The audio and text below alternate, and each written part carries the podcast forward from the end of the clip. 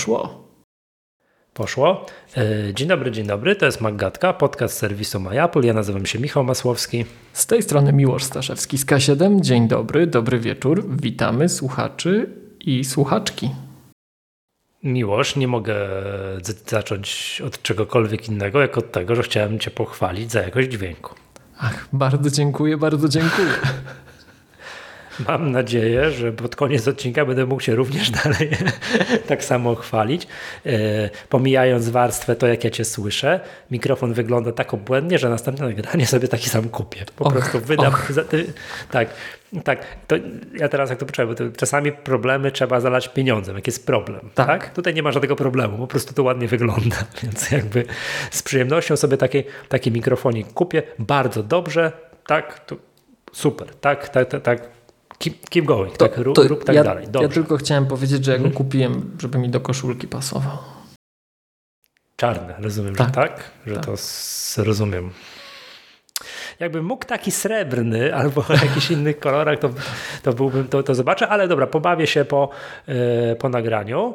Witamy wszystkich klubowiczów. Już tutaj też mówiłem w części niepublicznej, ale w ogóle zachęcamy Was do przystępowania do klubu Maggatki, bo tak jak tutaj mamy zapowiedziane na część niepubliczną, Maciek, jeden z klubowiczy, jeszcze raz gorąco pozdrawiamy, obiecał, że wytłumaczy o co chodzi w fundacji. Moim zdaniem to jest warte każdych pieniędzy. Ktoś ogląda, nie wie kompletnie o co chodzi, pstryk, będzie miał długi, długi wywód o co chodzi w fundacji, więc wszystkich klubowiczów, którzy I no nie, nie oglądają nas tak, którzy nie oglądają nas teraz na żywo, ale na przykład odsłuchują w podcaście, to pstryk do tego YouTube'a i do części niepublicznej, bo tam jest naprawdę ciasteczko, tak, część premium nas czeka. Więc my tutaj sobie szybciutko opędzlujemy bieżące tematy i godzinny wywód. Jestem przekonany, że Maciek tutaj wytłumaczy wszystko, co się od początku do końca dzieje. To czekaj, czekaj, czekaj. zachęcamy. Przez... Czekaj, tak? przepraszam. To już jak już tak? tak reklamujemy, to przypomnijmy, że za 11 dni, jeśli dobrze pamiętam, Mamy szkolenie magatkowe dla klubowiczów i klubowiczek w cenie e, składki rocznej, więc tak, zapraszamy. Oczywiście. Zachęcamy, właśnie. tam zawsze dużo fajnych, dużo fajnych rzeczy się dzieje, choć teraz zakładam, że niektórzy klubowicze już czekają na to, żeby się Sonoma pojawiła i żebyśmy sobie poklikali po nowym, tak. po nowym systemie.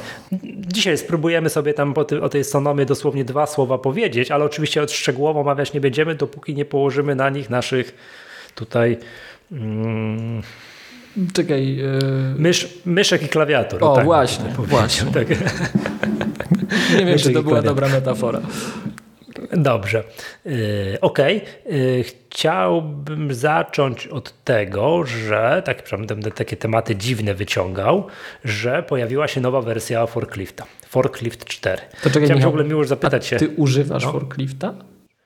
Tak, używam forklifta w wersji Ale trzeciej. To przy okazji od razu. No. Nie jako, bo on ma taki tryb Finder Replacement, z tego co kojarzę, że on ci zastępuje Findera. To jeszcze jest, czy już nie ma tego trybu? Nie, nie, nie, chyba nie ma. Nie, to nie kojarzę, że miał coś takiego, że, że zastępuje domyślną. Tak, że on, ten? Przez, on zajmuje miejsce Findera, jeśli dobrze.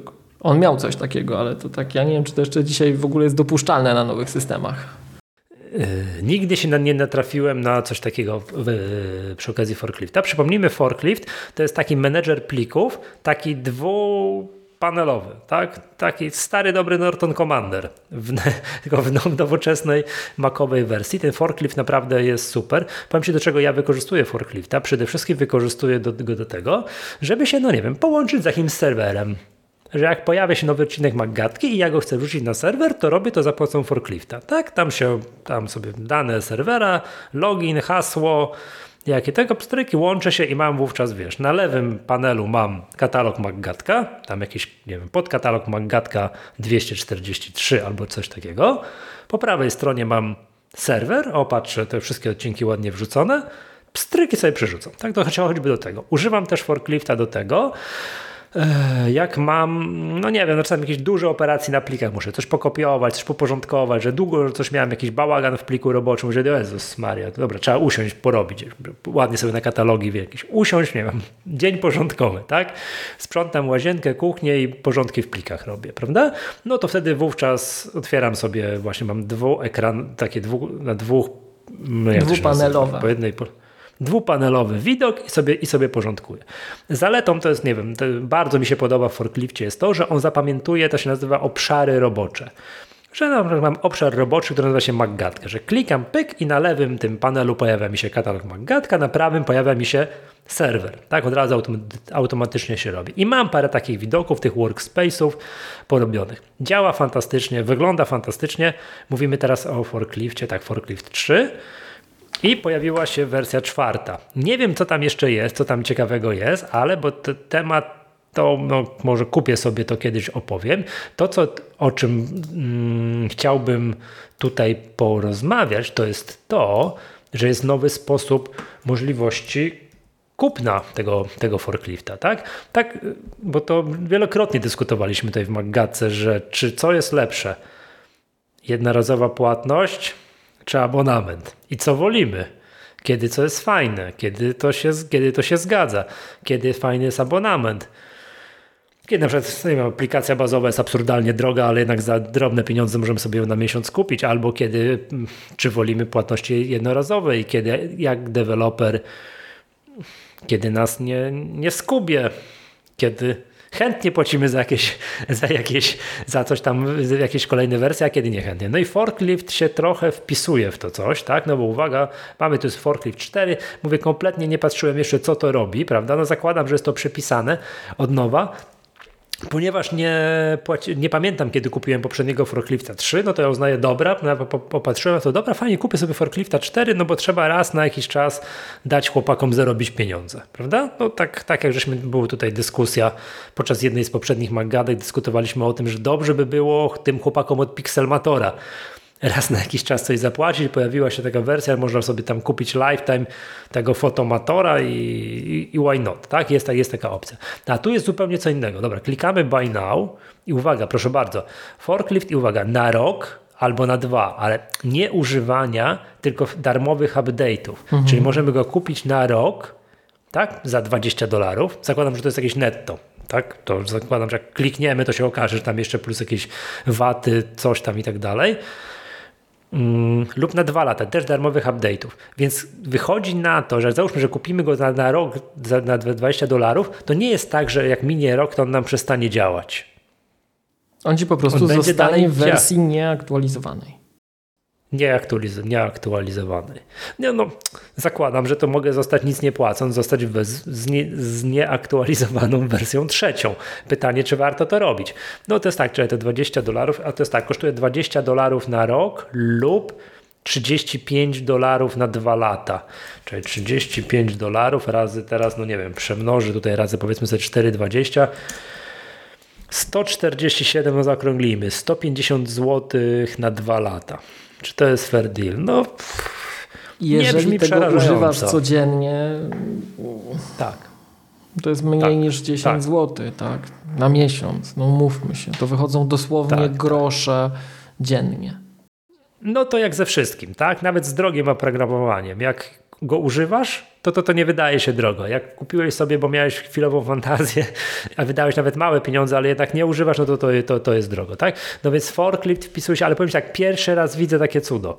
Powiem Ci, to jest fajne, bo mogliby zrobić abonament taki, że płacisz, nie wiem, tam ileś dolarów rocznie, mhm skończył się rok, nie zapłaciłeś, przestajesz używać, że w ogóle nie działać, przestajesz w ogóle i tak dalej. No nie wiem, tak jak, no, no, no nie wiem co. Adobe, ten Creative Cloud powiedzmy, tak? Tudzież oprogramowanie, nie wiem, Office 365, przestajesz płacić, przestaje działać. Znaczy nie, no chyba yy, Microsoft chyba działa, tylko że to jest tak zrobione, że... Możesz czytać. Chyba już tylko może, tak, możesz czytać, nie możesz już zapisywać, modyfikować plików. No to to jest trochę co innego, prawda? To jest wymóg, bo się działało. stali, wiesz, standardem globalnym, no i tu nie mogą tak łatwo powiedzieć, że teraz do widzenia. Mhm. Tak. I chciałem Cię już zapytać, co o tym sądzisz, bo ja to uznaję za całkiem fajne i tak jak przemyślałem sprawę, to cena nie wydaje mi się wygórowana. To to jest moim zdaniem całkiem, całkiem. I druga rzecz, y, tu widzę już padły na czacie jakieś pierwsze propozycje ewentualne alternatywy, czego ty używasz do tego typu oprogramowania, a wrzucę sobie coś na serwer, nie? To jest tak. Mm, po pierwsze, jeśli chodzi o model licencjonowania, to ja ten model licencjonowania bardzo dobrze kojarzę, bo od lat go używa Claris z FileMakerem. E, I jest to dość popularny model w niektórych e, produktach takich e, typowo biznesowych, wiesz, jakieś tam księgowości, nieksięgowości, tego typu rzeczy. Więc z jednej strony no właśnie Claris i FineMaker, a z drugiej strony to, że my fakturę piszemy i też widzimy w K7 tą resztę rynku, częściej lub rzadziej, to, to, to gdzieś kojarzę ten model. To jest fajny model, to jest taki fair właśnie model. Jeśli natomiast chodzi o to, czego używam, to ja jestem starą Unixową zrzędą, jak tutaj nam na czacie słuchacze podpowiadają. Ja używam właśnie z makowych rzeczy używam Transmita i to mhm. staram się mieć zawsze najnowsze kupować. E, natomiast bardzo często używam właśnie open source'owych narzędzi Unixowych jakiś te na przykład nieśmiertelnego Midnight Commandera. Zawsze jak prowadzę szkolenia, to go pokazuję i wszyscy się cieszą. Także no, używam tego. Natomiast powiem Ci tak chwilę, jak tutaj rozmawialiśmy, próbowałem googlować i oni piszą gdzieś tam w tej dokumentacji, ale to tylko tak hasłowo przejrzałem to, co mi Google podpowiedziało, że widzą ten e, find a replacement mode dla mm, forklifta, więc nie ubzdurałem sobie. I tak się teraz zastanawiam, e, bo na przykład Transmit kiedyś to miał, a teraz już nie ma. Czy forklift umożliwia mi podmontowanie danego zasobu, na przykład jakiegoś SFTP czy innego czegoś, jako dysku, że to będzie w systemie widoczne jako dysk? Bo to nie ci wiem, pozwala to, to pospinać później z innymi mechanizmami, jest przezroczyste. Także to by było ciekawe. Transmit to kiedyś miał, teraz już nie ma, z tego co kojarzę. E, więc, więc, więc właśnie to jest coś, co mnie zainteresowało, bo może ja bym sobie też tego forklifta kupił. Transmit widzę na stronie Panika jest. I jest kosztuje droższy. 4, kosztuje 45 dolarów i to jest jednorazowa licencja za, za, daną wersję. Mhm. Jest, Transmit 5. To jest znane, to jest, to jest oprogramowanie od lat, pamiętam, prawda? Tak, z jednym z takich znaków czasu jest to, że ten transmit jest niedostępny w App Store e, w wersji takiej zwykłej. W App Store go możesz kupić tylko w abonamencie. Jak chcesz kupić go w formie wieczystej dla danej wersji, to możesz to zrobić tylko przez stronę dewelopera. E, to też jest taki model hybrydowy. Z innych e, rozwiązań, które rzucają się w oczy i są bardzo znane, nie wiem czy myśmy o tym w Maggatce mówili, jakiś czas temu wyszedł nowy Kaleidoskop i jest już sprzedawany tylko poza App Store, z tego co kojarzę, i tylko w abonamencie. I ten abonament jest dość drogi, dość, znaczy w porównaniu do tego, co tu pokazujemy, bo to jest oczywiście zawsze względne. Eee, chociaż może ja przesadziłem. Wydaje mi się, że 200 dolarów rocznie, ale może coś zmyślam, już sprawdzam pricing. No czekaj, bo już jest, jestem na stronie tego kalejdoskopu. A, chyba mocno przesadziłem, przepraszam. Mocno przesadziłem. Przepraszam cię, kalejdoskop to jest 100 dolarów oprogramow... rocznie. Oprogramowanie, które służy do porównywania treści. Plików, tak porównywania mówiąc. treści, tak. Treści plików. To jest, ja wiem, to jest program, który ty z kolei mówisz, o Jezu, jak się strona zmieniła, dawno tutaj nie byłem, tak?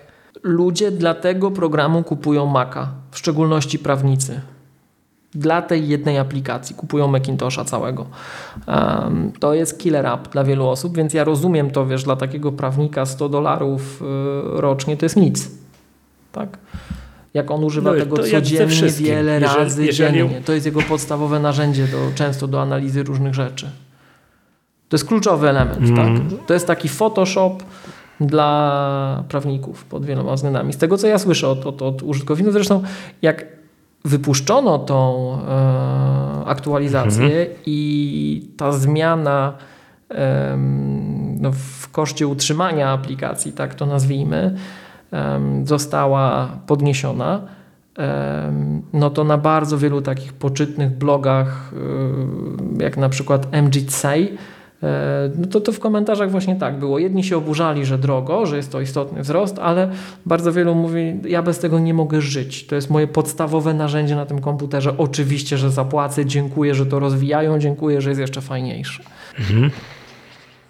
Nie byłem bardzo dawno na tej stronie, wygląda na tej stronie wygląda obłędnie. Jest świetnie zrobiona, sama aplikacja świetnie zrobiona. Jak miałeś poprzedniego kalejdoskopa i jeszcze poprzedniego kalejdoskopa, mówię o tych hmm. dużych wersjach, to było widać, hmm. że dla mnie gdzieś ten kalejdoskop drugi to już był taki projekt, produkt skończony z mojej perspektywy na tamten czas, tak? Trójka jak wyszła, to powiem Ci szczerze, paradoksalnie na początku ona chyba nawet miała problemy ze stabilnością i tak ee, ale później stała się w pewien sposób taka też dla mnie nieodzowna, tak? Natomiast czwórka pcha to jeszcze dalej, jest jeszcze fajniejsza, jeszcze na więcej rzeczy pozwala, jeszcze większą ilością rzeczy, rozwiązań, narzędzi się integruje, więc widać, że goście naprawdę wkładają w to pracę i oni w tej chwili są już na takim etapie, który przekroczył moje oczekiwania jako użytkownika, że ja nie sądziłem, że im się będzie chciało takie rzeczy robić, więc w pełni uzasadnione. O, widzisz. No dobra, jesteście prawnikami, jesteście na Macu, zamiast porównywać. Ja kiedyś w pociągu adminami. Dysku... Ja kiedyś widziałem w pociągu taką akcję. Siedziałem za kimś w Pendolino. Tak mamy dużo przykładów, że się różne rzeczy dzieją w Pendolino. No ale tak, wiesz, siedziałem, jechałem do Warszawy, tam zawsze wyjazd jakiejś skandalicznej porze i tak sobie drzemałem jednym okiem, ale tak widziałem tak po prawej stronie, ja siedziałem tak, wiesz, pod Zukosa, widziałem, że ktoś siedział laptopem otwartego. I po dłuższym tam momencie, no bo wiadomo, nie zaglądałem, nie filowałem, co kto tam robi, tylko tak wiesz, tu trochę drzemałem, otwierałem oko, widziałem, ta osoba to robiła i po dłuższym chwili się zorientowałem, że chyba właśnie to był ten przypadek użycia, o którym mówiłeś przed, przed chwilą, czyli prawnik analizujący dwa dokumenty. Tylko, że ta osoba, ten, ten, ten, ten pan, który to robił, tak, ten użytkownik, robił to całą drogę do Warszawy, blisko 4 godziny, więc musiał mieć kilometrowy dokument i to teraz się tam, tam widziałem, wiesz, tam poszedłem do Warso na kawę, wróciłem, zdrzemnąłem się, posłuchałem podcast, film obejrzałem, wiesz, internet poskrolowałem, tam ponudziłem się, pograłem szachy, a on da, cały czas to robił, nie? No to tak, wiesz, PKB ktoś musi wyrabiać.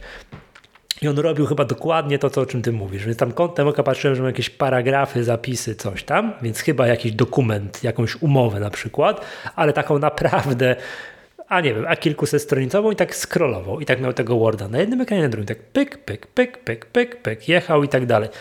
To Word nie ma takich narzędzi, nie takie, że porównywanie dwóch wersji. Ktoś mi kiedyś mówił, że w Wordzie chyba coś takiego jest, albo ja teraz bredzę, natomiast rozumiem, że aż chciało mi się wtedy, bo to było krótko po jakimś szkoleniu Maggatki, ale takim, co mieliśmy jeszcze stacjonarnie, że ty pokazywałeś, jak ten kalejdoskop działa. Ja wtedy sobie przypomniałem, gościu.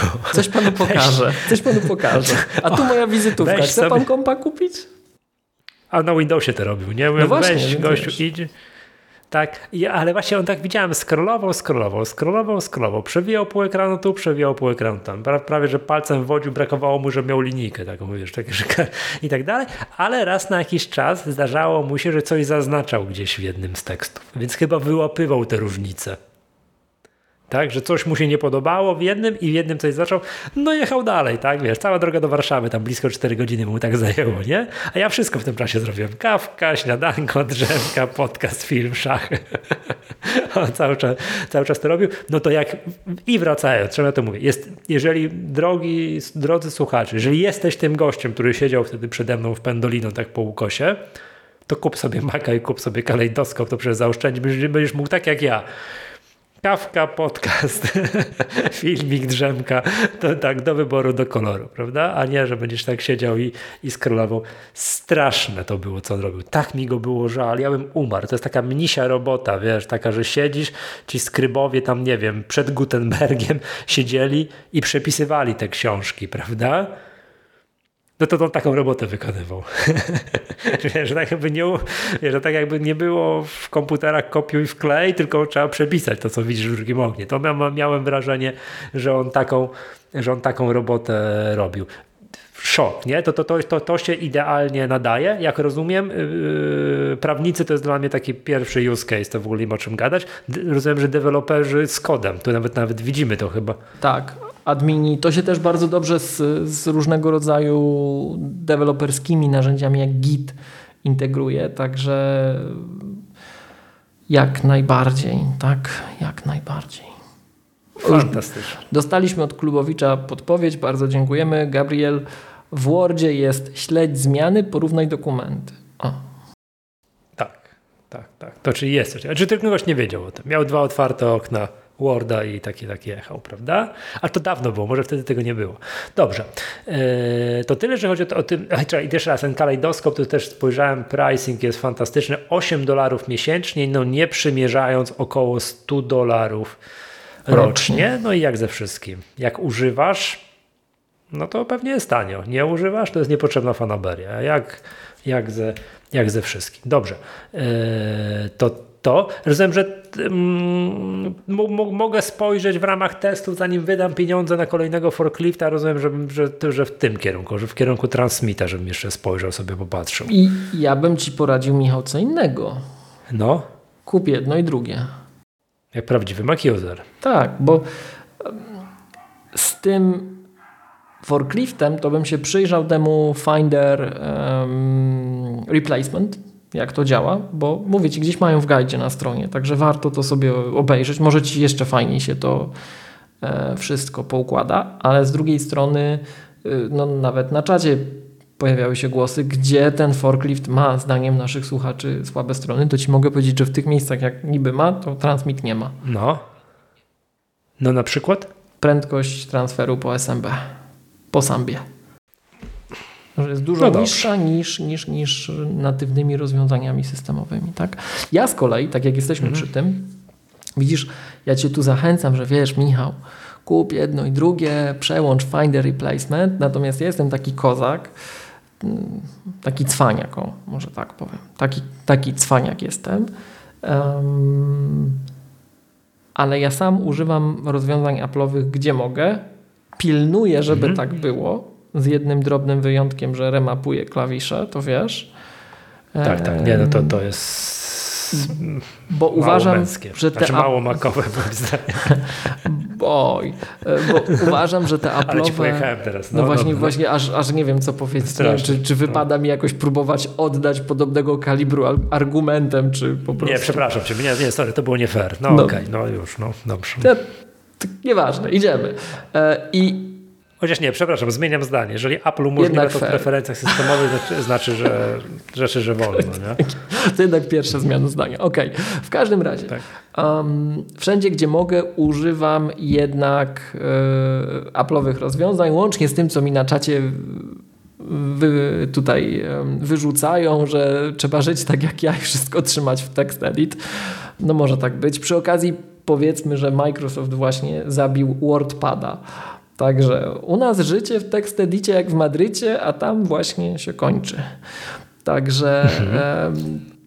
i przy okazji zmarł autor e, Vima, bo się pojawił VI e, jako nawiązanie do, do, do, do, do TextEdit. Więc zmarł autor Vima i zmarł założyciel Adobe też. Tak? O. Także taka osoba bardzo, bardzo zasłużona nie tyle tylko dla naszego e, rynku, ale zasłużona dla e, no, całej, całej tej współczesnej, mm, można powiedzieć, informatyki, a na pewno dla desktop e, computingu, no bo to, to co Adobe zrobiło, to stworzyło PostScript, stworzyło ten język opisu strony wektorowy, standard generalnie to dzisiaj jest wykorzystywane jako podstawa dla naszych przecież sterowników drukowania i tak, i tak, i tak, i tak dalej. Ten człowiek miał też bardzo dużo, John Warnock miał bardzo dużo um, różnego rodzaju patentów i takich rozwiązań na początku, jak się desktop computing zaczynał, które nas popchnęły wszystkich bardzo, bardzo mocno do przodu, e, więc warto to odnotować, tak? John Warnock, mhm. jeśli dobrze pamiętam, miał 82 lata. Konkret. No. Konkret. I już tak jeszcze, przepraszam, wracam na chwilę do tej ceny forklifta, bo ja cały czas myślę o tym, czy to jest drogo, czy tanio, te 35 zł, dolarów, przepraszam, czyli około 150 zł rocznie. Że przecież ja płacę za Ivory chyba ze 120 parę złotych, czy 120 parę złotych rocznie. Ale przynajmniej nie, to jest 150 zł na dwa lata. Jeszcze raz, to sorry, ten, czyli to jest wraca forklift, czyli to jest 70 parę złotych rocznie, czyli to, to jest tak, a ja płacę przez za Ivory, płacę 120 parę złotych rocznie i żyję. no tak jak mówię, jeżeli tego używasz na co dzień, wiesz, ja zawsze trochę na to patrzę tak, e, że te kompy, nie, te komputery, to no. są takie skorupki, wiesz, to, to, to, to, musisz mieć. To jest ten taki wehikuł, którym gdzieś musisz się dostać, ale, ale ten software to jest zarazem i paliwo, e, i droga, którą jedziesz. To jest ten software, więc e, na software mhm. nigdy nie szkoda pieniędzy, moim zdaniem. To jest raz. Dwa, bo nie skończyłem tego, tego wywodu, a starajmy się pilnować, żeby domykać wątki e, i nie uciekać za daleko w dygresję. Staram się tam, gdzie mogę używać rozwiązań Apple'owych, bo one są bardzo często niedoszacowane, powiedziałbym, przez użytkowników. Ludzie myślą, że Finder to taka zabaweczka. Nie, nie, nie, nie. Finder jest potężny, tylko trzeba umieć go używać. Mhm i mało kto umie, mało kto potrafi. To widać nawet w takich y, bardzo, powiedziałbym, szacownych gronach i gremiach. Jak sobie na przykład słuchasz ATP, Accidental Tech Podcast, to przecież co Apple coś dołoży, jak na przykład Stage Managera, to się zaczyna narzekanie, że ta file, window management story na macOS nie istnieje, jest chaotyczny i tak dalej. Moim zdaniem nie. Fakt, że Mac ma kilka można na to patrzeć konkurujących, a można na to patrzeć uzupełniających się wzajemnie. Ja tak lubię o, o tym myśleć, trybów pracy i nie każdy jest dopełnieniem drugiego, ale każdy ma idealną sytuację, w której płyniesz. I jak umiesz używać wszystkich i umiesz się sprytnie, szybko między nimi przełączać, to, to pracujesz wielokrotnie, wielokrotnie, wielokrotnie wydajniej niż ktoś, kto tego nie potrafi i często niż ktoś, kto nawet ma dobrze opanowane jedno narzędzie firmy trzeciej. Pomijając, że to narzędzie nie jest na każdym Macu, że musisz za nie zapłacić, że deweloper musi to przez lata wspierać, bo ty tego Maca możesz już 20 lat używać i pytanie, czy ci ten deweloper po drodze gdzieś nie zniknie, chociaż akurat w przypadku Folkrifta i Transmita to nam to pewnie szybko nie grozi. Tak?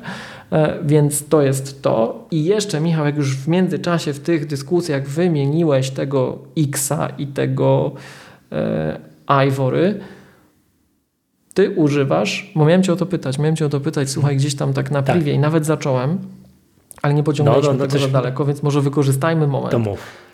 Czy ty żyjesz w tym świecie dualnym cały czas, tak jak kiedyś mi w Maggatce chyba mówiłeś, że cross-postujesz to samo na Xa i na Ivory, na Mastodona. Yy, co to znaczy? Tak ogólnie to, co piszę? Że tak, że jak chcesz coś o, oznajmić światu, to dokładnie to samo piszesz tu i tu, żeby jedni i drudzy cię widzieli. Czy jest jakaś przewaga, albo na przykład, że rzeczy zawodowe to na Xa i takie, nie wiem, społeczne dla szerszego gremium, e, a Rozumiem. takie techniczne tak. to na Mastodonie. Praktycznie na tym Mastodonie nic nie piszę. Tego się obawiałem, tak takiej odpowiedzi, bo ja powoli dochodzę do podobnego wniosku, pomiędzy ja jeszcze się nie ogarnąłem z Mastodonem, bo nie jest taki trywialny, mm -hmm. ale widzę, że tak jak wszyscy krzyczeli w naszej bańce, że uciekną z Xa, la la la la la, to ludzkość nie ucieka. I trochę jak z Facebookiem trwa. Patrz, my mieliśmy, tutaj była wielka drama, jak mm, Elon Musk zabił Tweetbota i kilka innych oprogramowań. Dla przykładu mój kolega e, z pracy dramatycznie lamentuje, że zdaje się ostatnio zabił TweetDecka, albo przynajmniej nie jest on dostępny dla użytkowników niepłacących, że chyba, chyba, chyba jakoś tak to jest, że TweetDeck jest, mogę teraz bredzić, jeżeli jest inaczej to czacie tutaj pomóżcie, że chyba do, dostępny jest tylko dla użytkowników Twitter Blue, tak? 500 rocznie e, w tych granicach. A tak? przypomnijmy, ile jeszcze, e, ile jeszcze ten Twitter Blue kosztuje? No chyba 500 zł.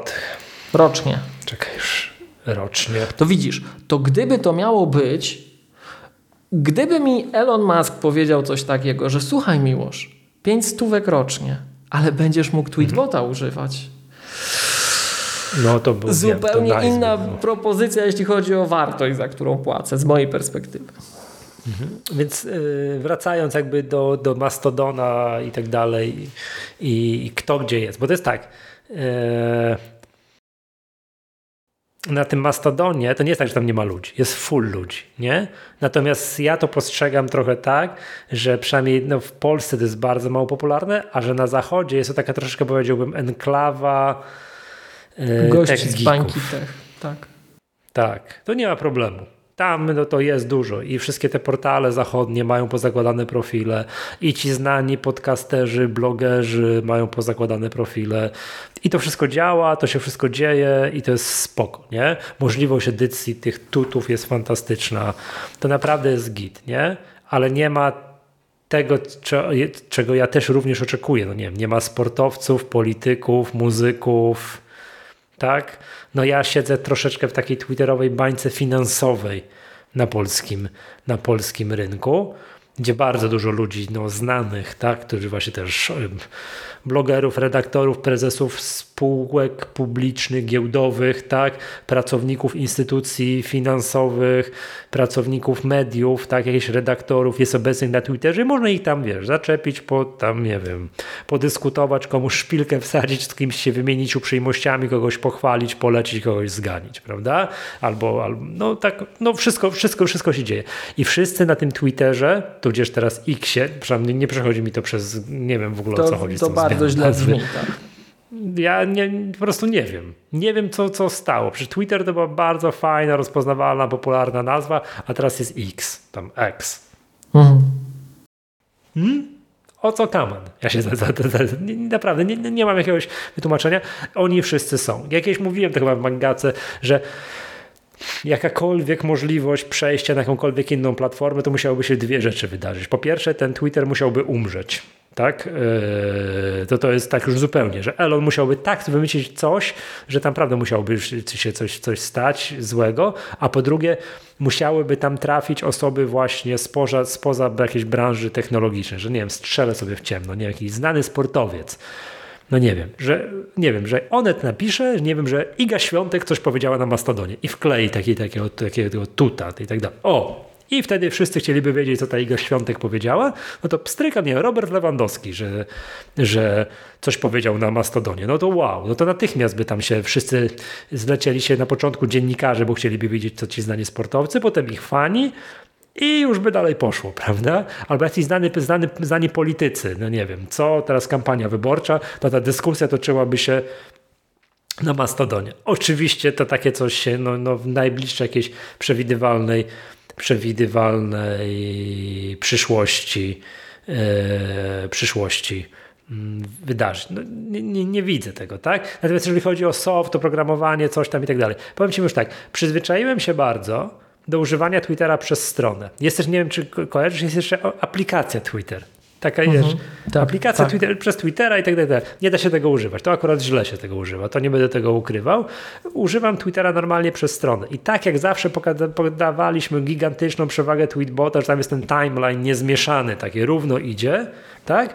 To to też jest w Twitterze. Natomiast z gigantyczną zaletą tweetbota było to, że jak używałeś go, no nie wiem, zamknę, na trzech urządzeniach, na iPhone'ie, iPadzie i na Macu i powiedzmy, ty sobie chciałeś, chciałeś czytać cały timeline no nie wiem, zacząłeś na iPhone'ie, przy śniadaniu przeskrolowałeś sobie 100 tweetów, dobra?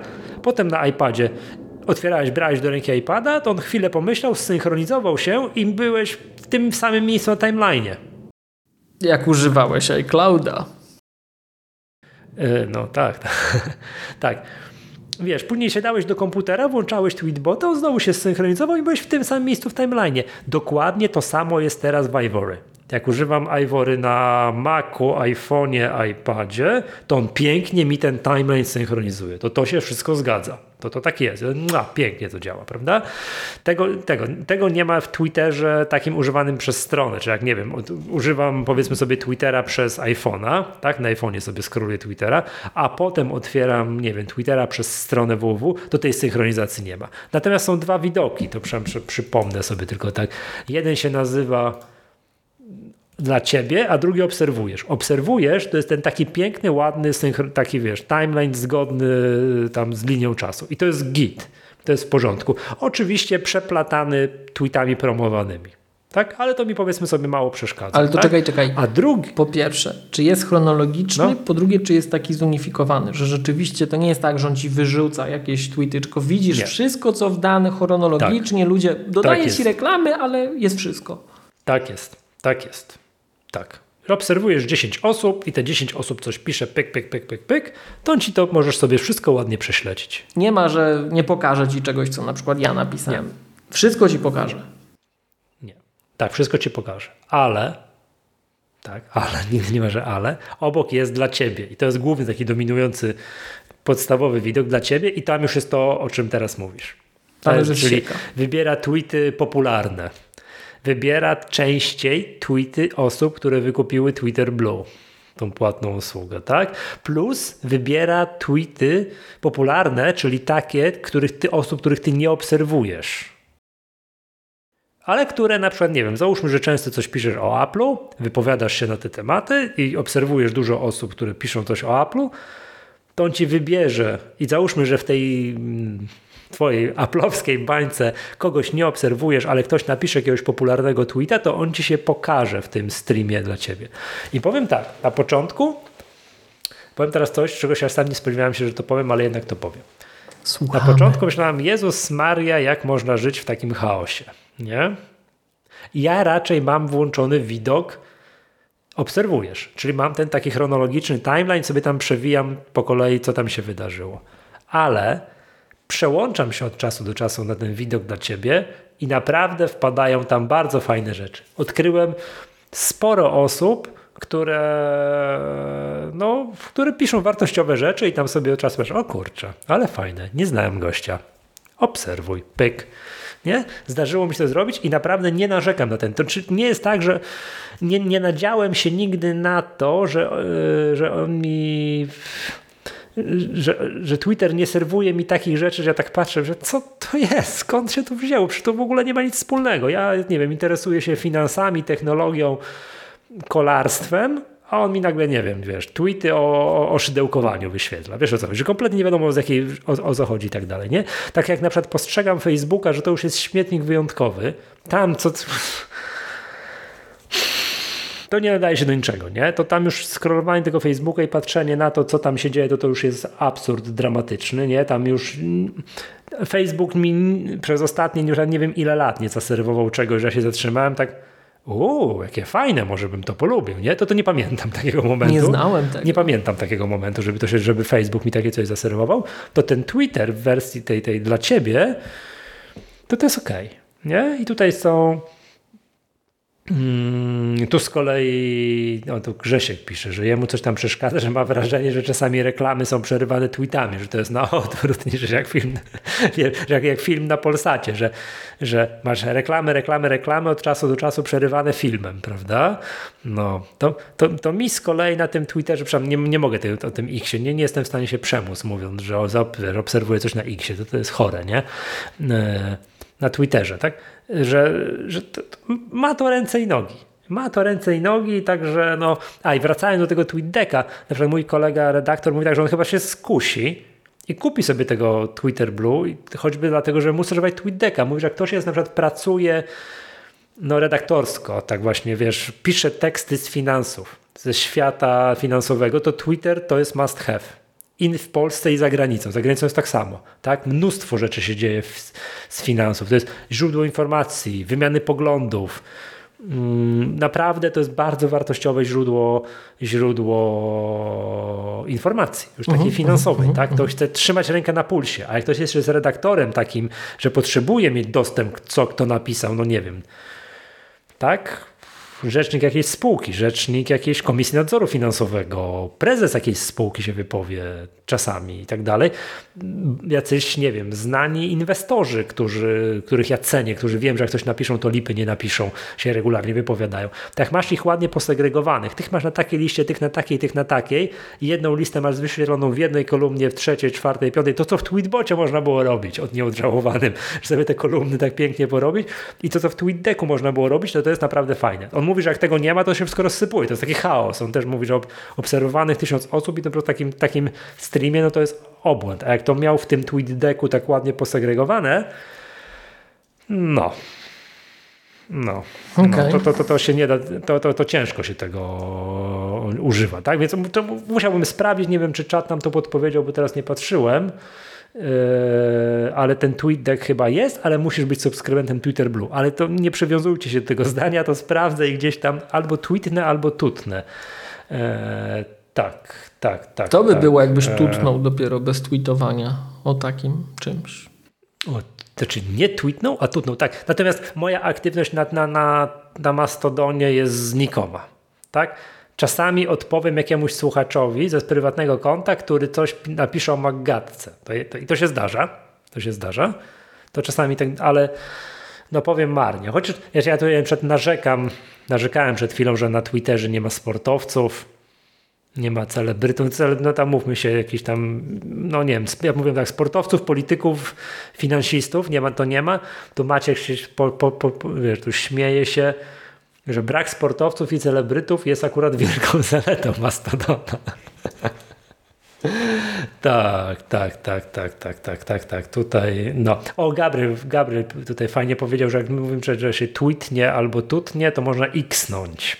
Właśnie miałem pytać, czy to czasownikowa forma też istnieje. Yy, uwaga. Dziękuję bardzo. Czat jest jak zwykle niezawodny. Maciek pisze, tak, potrzebna jest subskrypcja Twitter Blue, żeby mieć usługę X-Pro, X-Pro. Wcześniej TweetDeck. Ten X-Pro to brzmi prawie jak Pro Display XDR, ale to takie tam... A X-Pro jest no. osobno płatny, czy nie z ciekawości? Czy to już jest w ramach Maćku, Twitter Blue? Jak już tam sprawdzasz, to, to daj znać. Przed tym, jak, jak nam opowiesz fundację... Tak.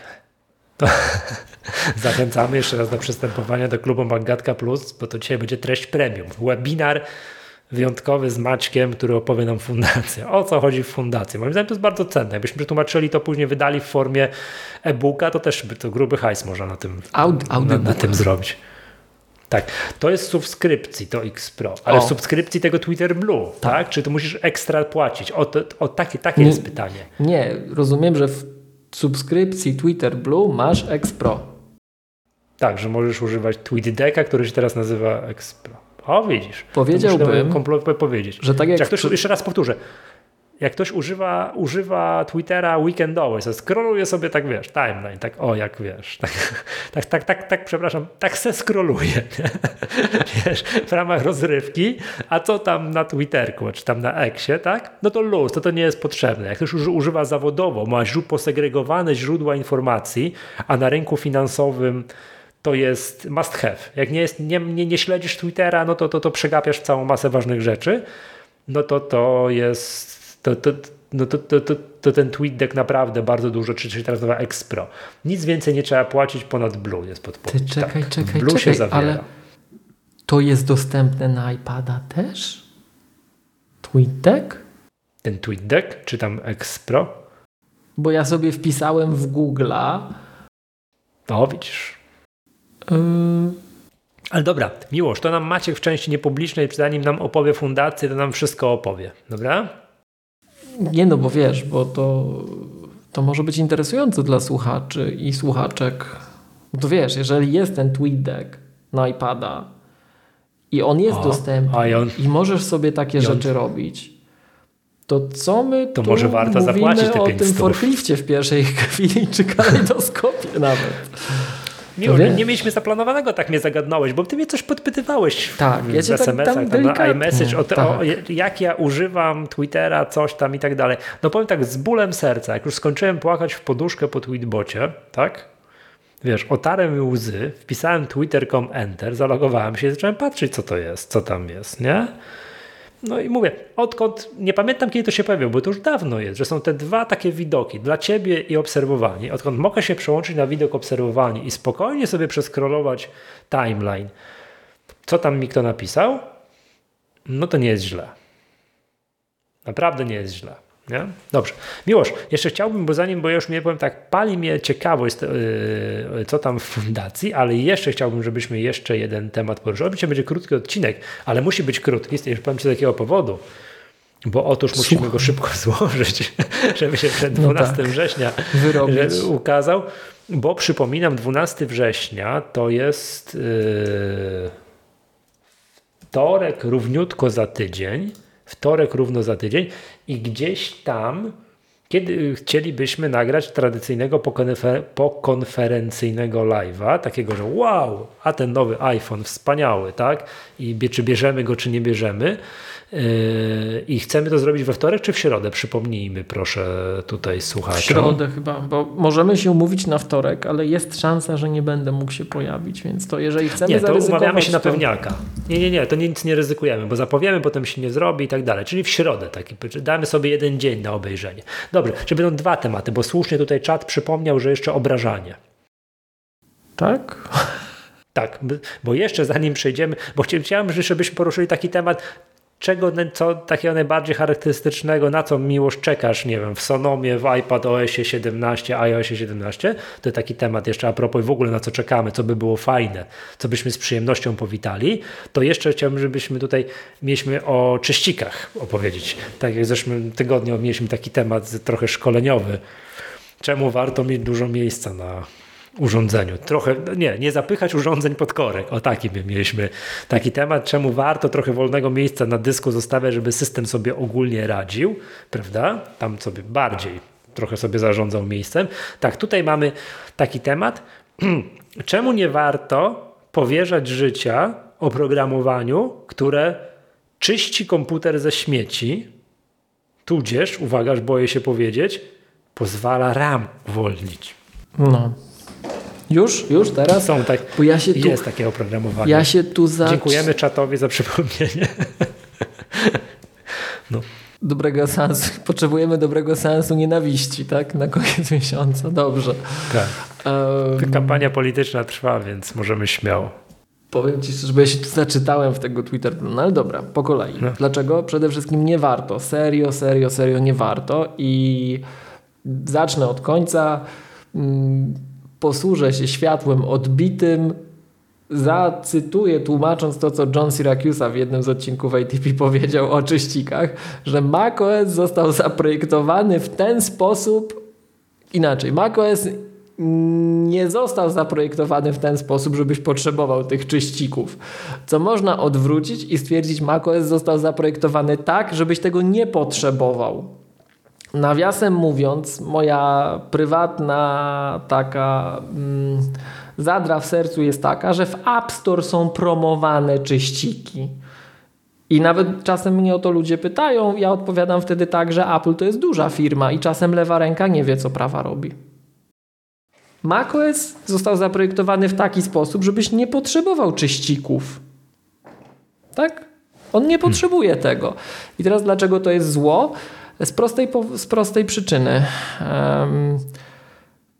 Jeśli chodzi o usuwanie danych aplikacji, to taki autor takiego czyścika nie ma pojęcia, jak usunąć dane aplikacji, których z jakiegoś powodu e, nie da się usunąć standardowymi metodami. On nie wie, co on robi, więc może ci wyrządzić krzywdę. I akurat e, to, czym ja się zajmuję na co dzień, to czasem sprzątanie po takim wyrządzeniu krzywdy naszym klientom, bo sobie poczyścili za dużo. To jest pierwsza rzecz.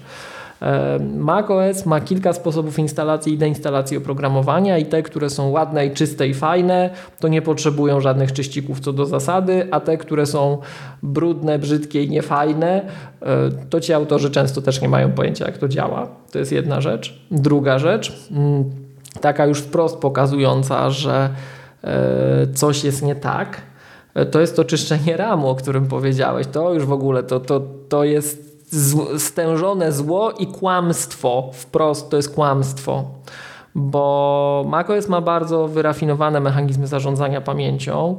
One się zmieniają. Apple nie zawsze je dokumentuje do końca. Jak wprowadza pewne zmiany, to czasem opisuje dość ogólnie, albo w ogóle o nich nie wspomina i to widać w tym, jak y, software się systemowy zachowuje, tudzież jak się zachowuje na konkretnych konfiguracjach, bo zachowuje się różnie w zależności od sprzętu, który posiadasz. E, I skoro Apple tego nie dokumentuje, i robi to celowo. Zastanówmy się dlaczego. Ano może dlatego, żeby zachować pewną elastyczność, bo jak ci powie, że to działa tak, to w pewien sposób y, da ci grunt, na którym możesz się oprzeć i skoro Apple powiedziało, że tak działa, to ja już tak teraz do końca życia będę tak zakładał, że tak jest i tak tego używał, A celowo się często nie mówi, jak coś działa, żeby zachować elastyczność, bo wszyscy wiemy, że hardware zmienia się niesamowicie dynamicznie na przestrzeni lat i na przykład odkąd ja zacząłem używać Maca, to już mamy trzecią architekturę sprzętową. Pomijając już to, że w ramach danych architektur sprzętowych były istotne zmiany, które sprawiały, że zarządzanie pamięcią się znacząco różniło pomiędzy generacjami sprzętu na danej architekturze sprzętowej.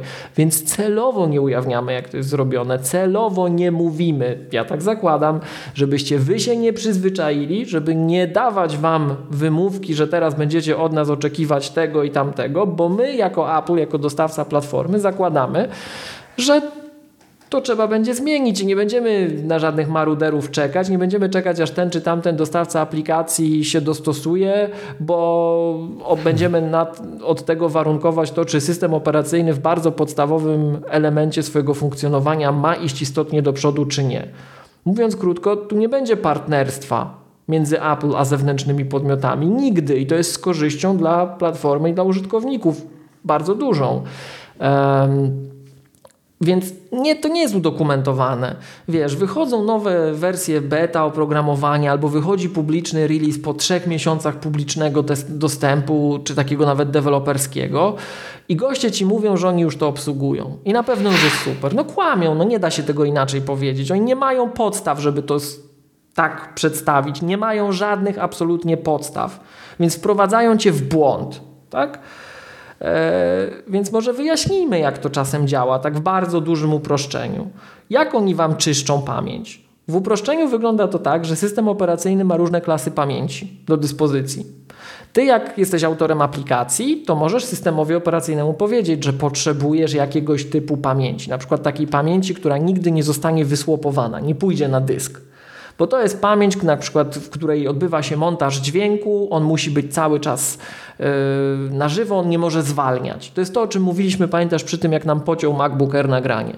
Że system potrafi tak. priorytetyzować pewne taski i je tak ustawiać, żeby pewien rodzaj mm, czynności, które wykonuje, był ponad innymi. Tak? Więc ty możesz jako deweloper w dobrej wierze działając, takie jest domniemanie, powiedzieć systemowi słuchaj macOS, słuchaj Mach tak naprawdę, bo to jest kernel, słuchaj Mach, my tutaj mhm. mamy yy, taką i taką robotę, ona musi być wykonana natychmiast, ona nie może być wysłopowana. No więc jeżeli ty użytkowniku podpalałeś inne rzeczy, a wszystko się odbywa po to, żeby Twoje zadanie zostało wykonane, żebyś Ty był zadowolony i system i dostawcy oprogramowania mają wspólny cel, Twoją radość, jak już zapłaciłeś te abonamenty albo opłaty licencyjne, e, masz być zadowolony, no to system stara się tak manewrować tym, żeby pogodzić wszystkich interesariuszy tego równania. Tak? Ty sobie mhm. wszystko poodpalałeś, ci goście, deweloperzy powiedzieli, że wykonują dla ciebie takie, takie, takie, takie, takie prace, no to teraz patrzymy. Ci muszą być traktowani w pierwszej kolejności, tamci nie muszą, ci to już w ogóle gorzej mogą być na samym końcu kolejki. Tak? Bo to jest na przykład jakiś procesor albo edytor tekstu. Mówiliśmy dzisiaj o nieśmiertelnym tekst edicie w przeciwieństwie do WordPada. Yy, I jak on tam sobie mruga kursorem, a jeszcze ty to okno schowałeś, to wcale to nie musi siedzieć w ramie na żywo. W tym ramie na żywo to może być właśnie ten dźwięk, który się wydobywa z głośników i to wideo z tej wspaniałej magatki live dla klubowiczów, fanek i fanów, tak? E, albo co gorsza, jakiś montaż w Logiku podcastu, czy innym garaż będzie, czy czymś podobnym. Tak? No i teraz nie ma mechanizmów, żeby jakaś firma trzecia, jakaś apka nie wiadomo skąd napisana przez nie wiadomo kogo, przyszła i powiedziała, że ona ci wyczyści pamięć. Bo my nie dajemy takich mechanizmów, żeby ci jakiś gracz przyszedł i powiedział tu kernelowi, że słuchaj, ty będziesz tutaj, ja potrzebuję pamięci, user chce pamięć, bo user nie ma pojęcia, czego on chce. To są bardzo wyrafinowane, złożone mechanizmy, które się zachowują różnie w zależności od okoliczności. Więc jak przychodzi taki gracz, co ci mówi, że ci, czy wy, ci wyczyści pamięć, to co on robi? On kłamie. On jest taką samą apką, jak te pozostałe, które odpaliłeś. I co on robi? On, jak ty to czasem, Michał, lubisz mówić, ja lubię to twoje powiedzonko, przymyka jedno oko i tak sobie wymierza. Widzi, że ty masz 16 gigaramu, to tak poprosi system powiedzmy o 10 albo o 12 tej pamięci natychmiastowej wykonywalności. Zgłosi się tak jak soft do montażu dźwięku, który robi live transmisję jakąś, tak? No i co system ma zrobić? System nie wie, że to jest w ogóle jakiś oszust, tak? System mówi, no tak, user sobie odpalił, to jest coś, co się zgłasza jako na przykład multimedia, musi być na żywo yy, traktowane, no to dobra, to ja mu daję tą pamięć, tą fizyczną pamięć, a co zrobi system operacyjny, co zrobi kernel, jak ma ci tutaj dać tą całą pamięć, a ty wszystko odpaliłeś, Całą to odpaliłeś. na słopa. Tak, on to wszystko wypchnie na słopa. Ci czyściciele ci powiedzą, że Zobacz, zwolniliśmy ci pamięć, bo dostaliśmy 10 giga i teraz ją zwalniamy. I wiesz co się stanie? I system operacyjny weźmie wszystko, co wypchał i wrzuci z powrotem. Powolutku Więc... sobie pyk, pyk, tak pyk, pyk, jest. pyk, pyk, pyk. Więc tak. na czym polegała ta pomoc?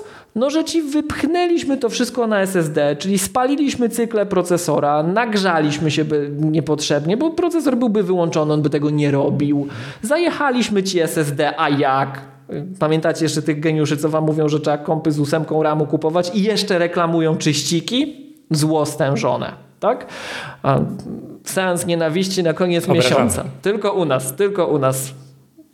Ja na, tutaj jako taki listek figowy powiem, że my jesteśmy komediowym podcastem, ale czasem jest przesłanie w tym, co mówimy. Tak?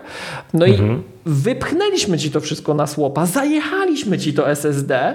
Mm, Podgrzaliśmy ci te baterie, a co? Niech się podgrzewa. To na pewno dla tej baterii będzie bardzo komfortowe, że tak będziemy grzali operacjami, których nie musimy robić, nie? Ta chemia, która w baterii tam pływa sobie tak toksyczna, to ona bardzo lubi podwyższanie temperatury. No. I później robimy w drugi raz to samo, w drugą stronę. jeszcze raz palimy no cykle no tak. procesora. I co? Jeszcze im płacisz za to, że ci wyczyścili komputer, wyczyścili pamięć. No fajnie, fajnie. Więc tak, nie polecamy. Tym, tak jeszcze jak, raz, macOS tak, został zaprojektowany tak, żeby nie potrzebować tych czyścików i tak zobaczcie, że ja to powiedziałem dużo wcześniej, słusznie mi wytknięto, e, znaczy mi jako mi, w tej, jako stronę w tej dyskusji, że przecież samo Apple poleca w App Store takie czyściki. No więc ja nie wiem, czemu poleca. Ja nie wiem, czemu poleca. Mhm. Uważam, że to jest... Y, co najmniej podejrzane. Ja to sobie tłumaczę tym, że Apple to jest duża korporacja i jak się czasem narzeka na tych recenzentów z App Store, że oni to czasem jednak przepuszczają takie rzeczy, że ło, to ja to w tej kategorii sytuacji postrzegam, że przepuścili taką rzecz, bo ma super marketing, wszyscy to niby chwalą, ale nikt się nie zastanowił, co tam się tak naprawdę dzieje, bo niewiele osób to rozumie do końca, a wszyscy lubią być in the know i powtarzać, bo modnia, jeszcze jak ci zapłacą, to jeszcze przyjemniej się powtarza. No, tak, Miłosz, y, tak, tak, oczywiście. Miłosz, ale bo to są było czyściki ramu, no to dla mnie oczywiste, to rozumiem, to jest jakaś masakra. Ale jest jeszcze inny rodzaj tego typu, tak powiedziałbym, dziwnych operacji na systemie, którego tego, nazwijmy to oprogramowanie konserwujące wykonuje. To jest obsługa dezin, dezinstala, dezinstalator y, aplikacji tak? No i teraz no, jeszcze raz, ja, to, ja z tym to kojarzę. To też się. macOS jest zaprojektowany w taki mhm. sposób, żebyś tego nie musiał robić. Bardzo częstym przykładem tej deinstalacji, takiej, gdzie ci ktoś pomoże, mhm. jest usuwanie tak zwanych kontenerów. Kontenery no właśnie, to są sandboxy, to tak, że... mhm. czyli taki fragment systemu operacyjnego, gdzie aplikacje żyją sobie w takim trochę więzieniu. Tak? Nie mogą wyjść poza to więzienie ze względów bezpieczeństwa. Że gdybyśmy przejęli Twoją aplikację, bo na przykład yy, znaleźliśmy w niej jakąś lukę i wiedząc, że użytkownik ma u siebie zainstalowaną, my jesteśmy w stanie wykorzystać ją, żeby zaatakować yy, komputer właśnie użytkownika, to będziesz miał dostęp tylko i wyłącznie do zasobów tejże aplikacji. Nie będziesz miał dostępu do innych e, elementów systemu czy do danych innych e, aplikacji zainstalowanych na tym Macu, właśnie dzięki temu mechanizmowi sandboxującemu. I teraz umowa z Applem, taka no, nieformalna, wytyczna y, projektowa systemu jest taka, że zgodnie ze starą Unixową zasadą, jak odinstalujesz apkę, a odinstalowanie apki powinno sprowadzić się do przeciągnięcia jej do kosza, jeżeli została zainstalowana poprzez mechanizm drag and drop albo App Store, y, to odinstalowujesz wszystkie elementy składowe aplikacji sam program, wszystkie biblioteki towarzyszące, jakieś sample, grafiki, ikony, tłumaczenia na inne języki, wtyczki Quick Looka, Spotlighta, wtyczki extensions, wtyczki system extensions. Jak widzimy przez lata ta lista się wydłuża. Z każdą nową wersją macOS przez ileś tam lat wstecz Apple dokładało mechanizmy, które przychodzą e, przy instalacji aplikacji um, i jeżeli ty wyrzucasz aplikację do kosza, to wyrzucasz tak zwany package, czy e, wyrzucasz sobie tą, tą właśnie paczkę.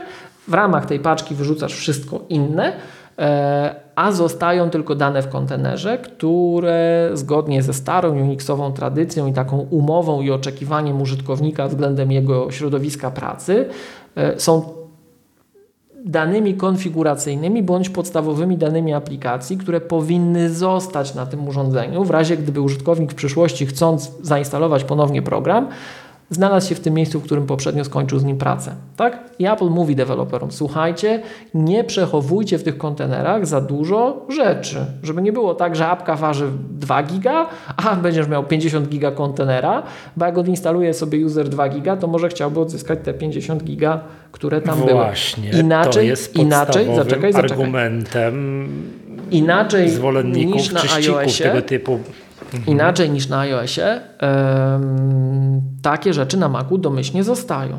I teraz jeden deweloper będzie tego nadużywał. To jest rzadkie, ale się zdarza, a stu mhm. innych deweloperów zachowa się tak jak trzeba i nie będzie tego nadużywać, albo wręcz będzie przechowało tam krytyczne dane. Więc zamiast tracić czas i zasoby swojego komputera i swoje pieniądze yy, na to mamienie tymi czyścikami, Wystarczy się udać do biblioteki użytkownika i w kontenerach ręcznie usunąć kontener danej aplikacji. Koniec. Za darmo, mając kontrolę nad całym procesem.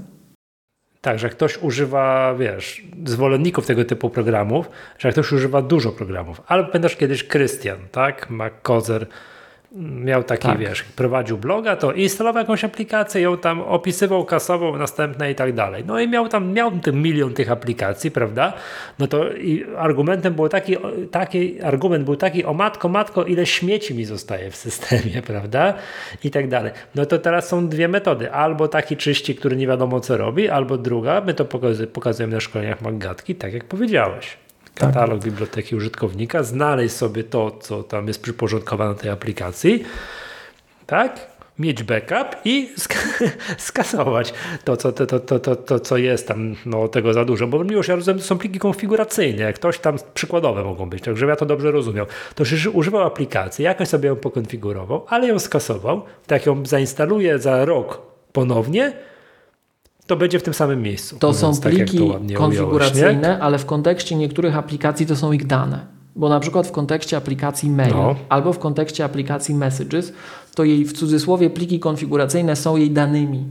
Czyli to są na przykład Twoje wiadomości przez wszystkie lata wiadomości. zgromadzone na urządzeniu, albo Twoje maile.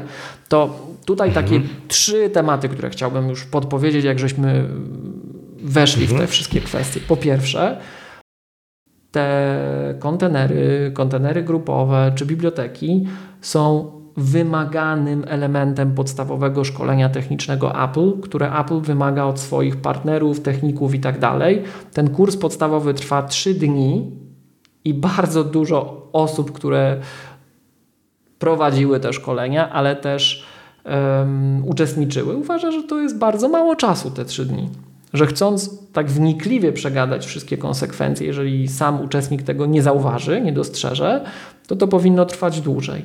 Ale takie trzy dni są wymagane, żeby móc pracować mhm. w bardzo wielu kontekstach jako pracownik techniczny kanału Apple. E, I e, to tam jest. Więc to jest taka podstawa dla każdego, kto się profesjonalnie zajmuje platformami Apple. E, natomiast my tam mówimy tylko w tych szkoleniach, że są kontenery, są kontenery grupowe, żyją w jednej z bibliotek systemowych, bo macOSy mają wiele bibliotek. W dzisiejszych czasach de facto trzy, kiedyś były cztery i tak dalej, i tak dalej. I to jest jeden z powodów, przechodząc do drugiego e, fragmentu, który my e, czasem, o który zahaczamy w Maggatce, dla którego Apple ukryło katalog biblioteka w katalogu domowym użytkownika bo użytkownicy bardzo często widzieli, że w tej bibliotece to oni tam, Michał, mają bardzo dużo gigabajtów, a nie kojarzyli, co to ta biblioteka jest i sobie kasowali. I wtedy dochodziło do tego, że jak kasowali bibliotekę, to przy okazji kasowali kontenery i inne pliki konfiguracyjne, no i maile zniknęły. I wiadomości zniknęły. I bardzo dużo innych rzeczy zniknęło, a to była tylko jakaś biblioteka, nie? Dobra. I żeby, i żeby była jasność, to te deinstalatory, tak, o w końcu nauczyłem się słówka, potrafią takie rzeczy skasować. I jak zrobimy to z automatu, tak klikniemy dalej, dalej następny, to i się nagle zorientujemy, nie, to jednak zainstaluję tę aplikację z powrotem, to stracimy dane. Tak jest. I teraz okay. um, Dobra. to jest jedna rzecz, ale jest jeszcze kolejna i to jest trzeci fragment, który chciałem poruszyć. Część z tych aplikacji ma tak zwany tryb proaktywny i one obserwują, siedzą sobie cały czas w tle, przy okazji znowuż palą cykle procesora, tak? siedzą i obserwują mhm. każdą czynność systemu, gdzie system naprawdę dobrze potrafi sobie o to zadbać i bardzo dobrze potrafi oszczędzać energię. Um, siedzą sobie cały czas w tle i obserwują, co się dzieje. I jak widzą, że ty coś odinstalowujesz, to one ci bardzo agresywnie odinstalują od razu ten kontener. Ale ty czasem po pierwsze tego nie chcesz, a po drugie jest jeszcze gorszy scenariusz. Zdarza się, że ty wykonujesz upgrade, install, update instalacji przez App Store. I teraz jak masz update mhm. instalacji przez App Store, to pod spodem rejestrowane są dwa zdarzenia w systemie operacyjnym. Odinstalowanie w uproszczeniu wersji pierwszej aplikacji X, X, tak? I instalacja wersji drugiej aplikacji X. X. I teraz zobacz, jak masz taką um, mhm. siedzącą w tle, proaktywnie działającą na niby Twoją korzyść dobroczynną siłę, i ona widzi ten pierwszy fragment, rejestruje, że ty odinstalowujesz wersję pierwszą, a jest taka, wiesz, taka chce ci pomóc proaktywna, nie? I ci wytnie twoje dane, no to masz problem. Wiem, tak? czy podczas update'u aplikacji rzecz. masz szansę stracić dane, bo on musi odinstalować, zainstalować, a podczas tego odinstalowania coś ci tam może wziąć i tak usunąć. Tak jest. I teraz zobacz, co jest ciekawe. Super. Apple mówi deweloperom, bo powiedzmy, że ty jesteś deweloperem tej aplikacji X. Apple mówi deweloperom, słuchajcie, jak wy żyjecie w tym kontenerze, to wy sobie tutaj pozwalacie związać ładnie rączki, tak? I wy nie, wy, wy nie macie możliwości działania poza tym kontenerem. To o to właśnie chodzi, to to strzeże użytkownika. Więc nawet jak ty byś się zorientował, że coś cię tam wycina, często nie masz jak, ale powiedzmy, że nawet byś się zorientował, tak? To i tak byś nic nie mógł zrobić, bo właśnie po to się zrzekłeś tych możliwości, żeby użytkownik był bezpieczny. A tu przychodzi coś z zewnątrz i ci ten ładny proces i tę umowę społeczną z Apple wprost narusza i działa przeciwko niej. Działa dokładnie odwrotnie niż zamysł tego, w jaki sposób system obsługuje aplikację. Dlatego naprawdę kontener usuwasz ręcznie i nie potrzebujesz niczego innego. A czyszczenie, mhm. czyszczenie ramu, jak to się no nie, mówi to, to o, tych już, takich, o takie tak, osoby podające się za lekarzy, że co to jest? Nie hochsztaplerka. Teraz, to teraz Znachora kręcą na Netflixa. Nie wiem, czy widziałeś, tak? To, że o tym mówisz, że czekaj, kim był no, Znachor, Znachorze. No, że nie ma uprawnień lekarskich, no, no, no, no tak, ale to wiesz, ale jeszcze jak leczy dobrze, to dobrze, ale jak, jak działa źle... Pamiętasz, myśmy kiedyś taki polecali polski film Show, co była słynna kwestia, napiszcie, że działa, albo się zrobi, jak się zobaczy. A się zobaczy jak co? A się zobaczy, jak się zrobi. E, tam grała pani Orlańska, grał Pazura i grał Dzięcioł? Boże, nie, nie pamiętam jak się nazywa ten aktor, aż wstyd. Taki doskonały w weselu grał starszy aktor polski. To wiem, Dziędziel chyba. Dziędziel, o właśnie. Tak? O właśnie, tak tak, tak. No więc właśnie. E, tam ten Cezary Pazura też był takim właśnie lekarzem pseudoznachorem, tylko że to jest inne określenie, takie, że on cię nie wyleczy. Marian Dziędziel. On cię pędzi do trumny. Ja tu widzę, że na czacie to w ogóle jest seans nienawiści. Nie będziemy tego um, tutaj przytaczać, czytać i w ogóle. Chociaż jak chcesz, to czytaj, Michał, żeby nie było. Nie, nie, nie. Nie, obrażajmy nie. Znaczy tak. nie, to zakończmy czy temat czyścików, bo on jest bardzo tutaj, naobrażaliśmy już, prawda? Tutaj ten, natomiast my jest, tutaj zgłaszają widzowie reklamację, że reklamowaliśmy ten odcinek na to, że poprzewidujemy tam kolory pasków do Apple Watch, o, tak, które się prawdopodobnie pojawią, a że w ogóle tego nie, nie robimy. tak? Zaczekaj, zaczekaj, tak, zaczekaj. Znak, szarlatan, szarlatan. Szarlataneria. To jest to, z czym mi się te czyściki kojarzą. To jest szarlataneria. Tak, tak, tak, tak, tak. tak Odsyłamy no. do odcinka, zaraz, zaraz znajdziemy którego, Accidental Tech Podcast, gdzie właśnie jest to tłumaczone mm, inaczej, ale to samo, i podsumowane w taki przepiękny sposób, że macOS nie został zaprojektowany w ten sposób, żebyśmy musieli korzystać z takich czyścików. Wręcz jest odwrotnie. macOS został zaprojektowany tak, żebyśmy nie musieli z tego korzystać. To jest odcinek 482 w After Show, e, jeśli dobrze kojarzę. E, przepraszam, w Ask ATP. W Ask ATP. Odpowiedź. Tak? Dobrze. Yy, Miłoszu. Myślę, że możemy przejść, bo już godzina minęła, są reklamacje, że dalej nie powróżyliśmy, jakie będą kolory pasków w Apple Watchu. To proponuję, żebyśmy do tego przeszli. 12 mm, września jest konferencja.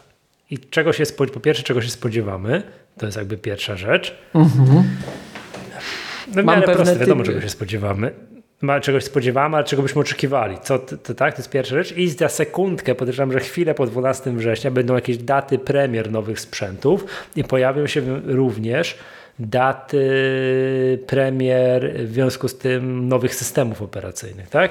Chciałem Cię w związku z tym zapytać, czy jak przeskrolowałeś się albo scrollujesz, albo może używasz jakiejś becie i tak dalej. Mhm. Na przykład Sonomy, na przykład iPad OS 17, na przykład iOS 17, co jest rzeczą, na którą najbardziej czekasz? Czy jest coś, co będzie, wow, no w końcu Apple coś zmieniło? Bo tutaj, zanim tutaj oddam Ci głos, to, to powiem tak, no scrolluję tę stronę już nie powiem, który raz. Mhm. I dalej tak patrzę, patrzę od WWDC w czerwcu tak? I mieliśmy mieć odcinek o tym, ale w końcu nie mieliśmy, bo naprawdę ja nie wiem, o czym mielibyśmy tutaj mówić.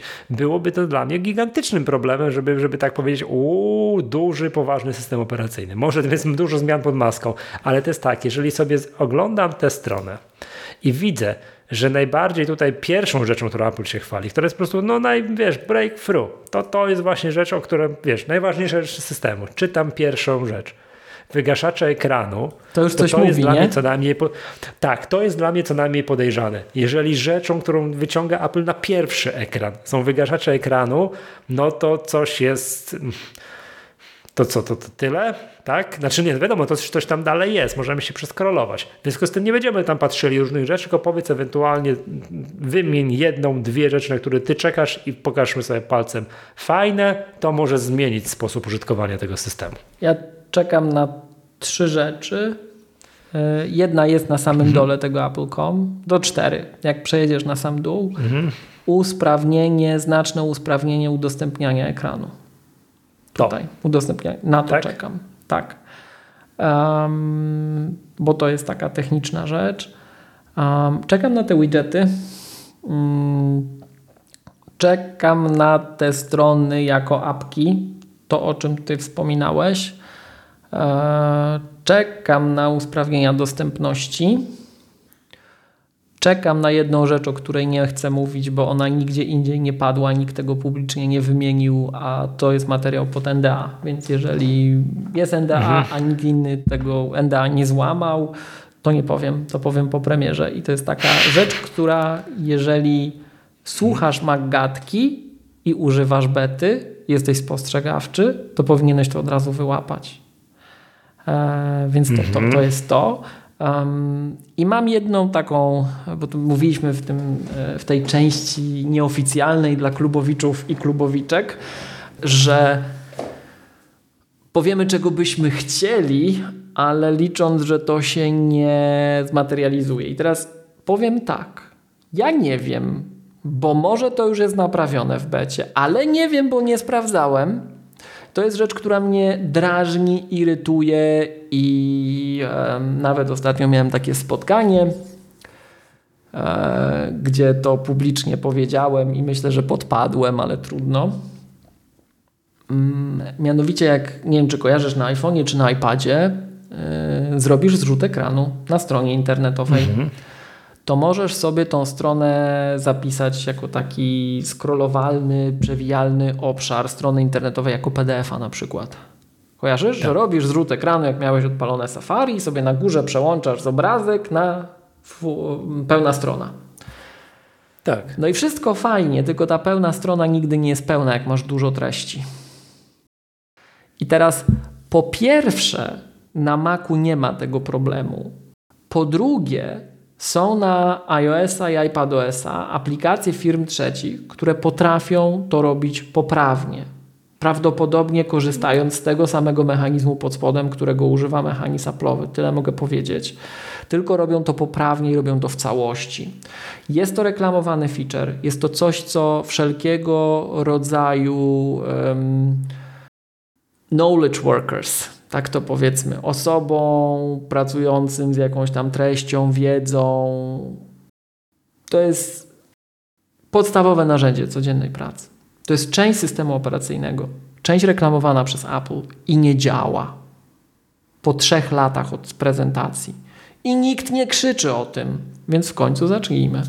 To jest coś, co mnie drażni i w ramach koncertu życzeń na mhm. za 5.12, wiedząc, że to już nie ma szans zostać poprawione, jeżeli my to teraz powiemy, e, to to jest w ogóle jakiś dramat.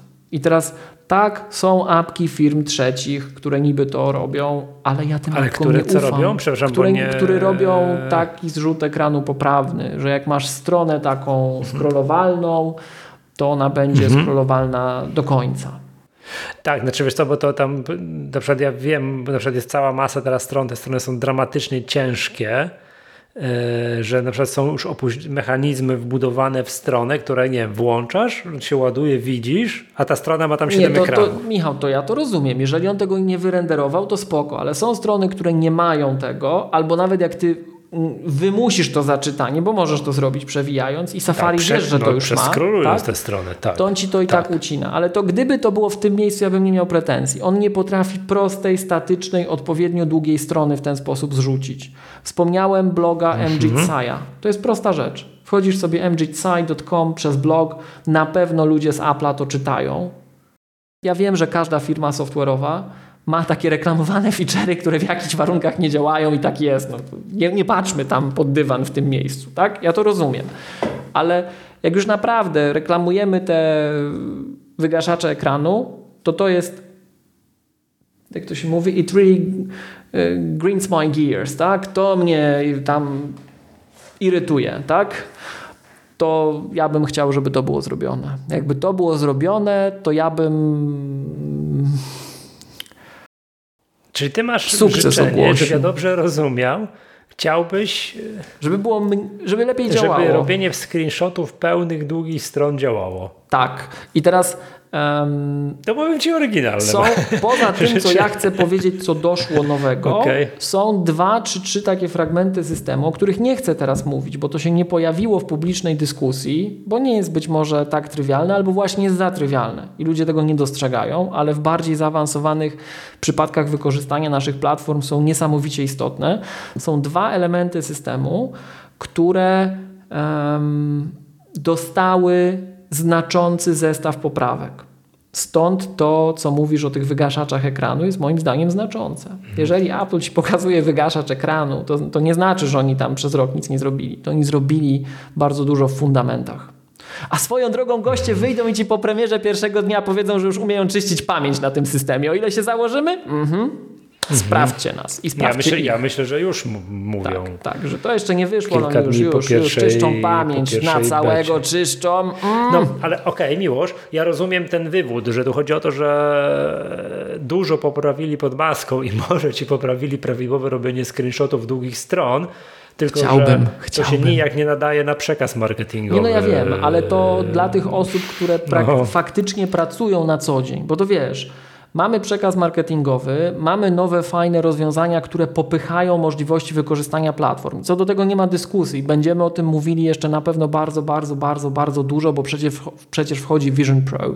Natomiast mhm. i myślę, że to wejście tego produktu się rozleje na inne nasze platformy i już się rozlewa, ale my dopiero połączymy kropki, jak będziemy mogli z tego korzystać na co dzień. Ale oprócz tego jest ta nudna, żmudna, misia codzienna robota, o której wspomniałeś, którą nasi użytkownicy wykonują na co dzień. Pewnie kojarzysz tą kliszę, ten, ten słynny przykład z Jobsem, który wymusił, w charyzmatyczny sposób przekonał deweloperów oryginalnego Macintosha, żeby skrócili start, czas startu, czas zabutowania z dyskietki oryginalnego mhm. Maca, bo to się z dyskietki butowało tam chyba o połowę. Bo przecież wyobraźcie sobie, że jeżeli milion osób zaoszczędzi powiedzmy 10 sekund, to właśnie ileś ludzkich istnień, całych żyć całych żywotów tak, ocaliście. To jest wszystko. ten sam rodzaj, kaliber problemu. To jest naprawdę często wykorzystywany feature. Niech on działa lepiej.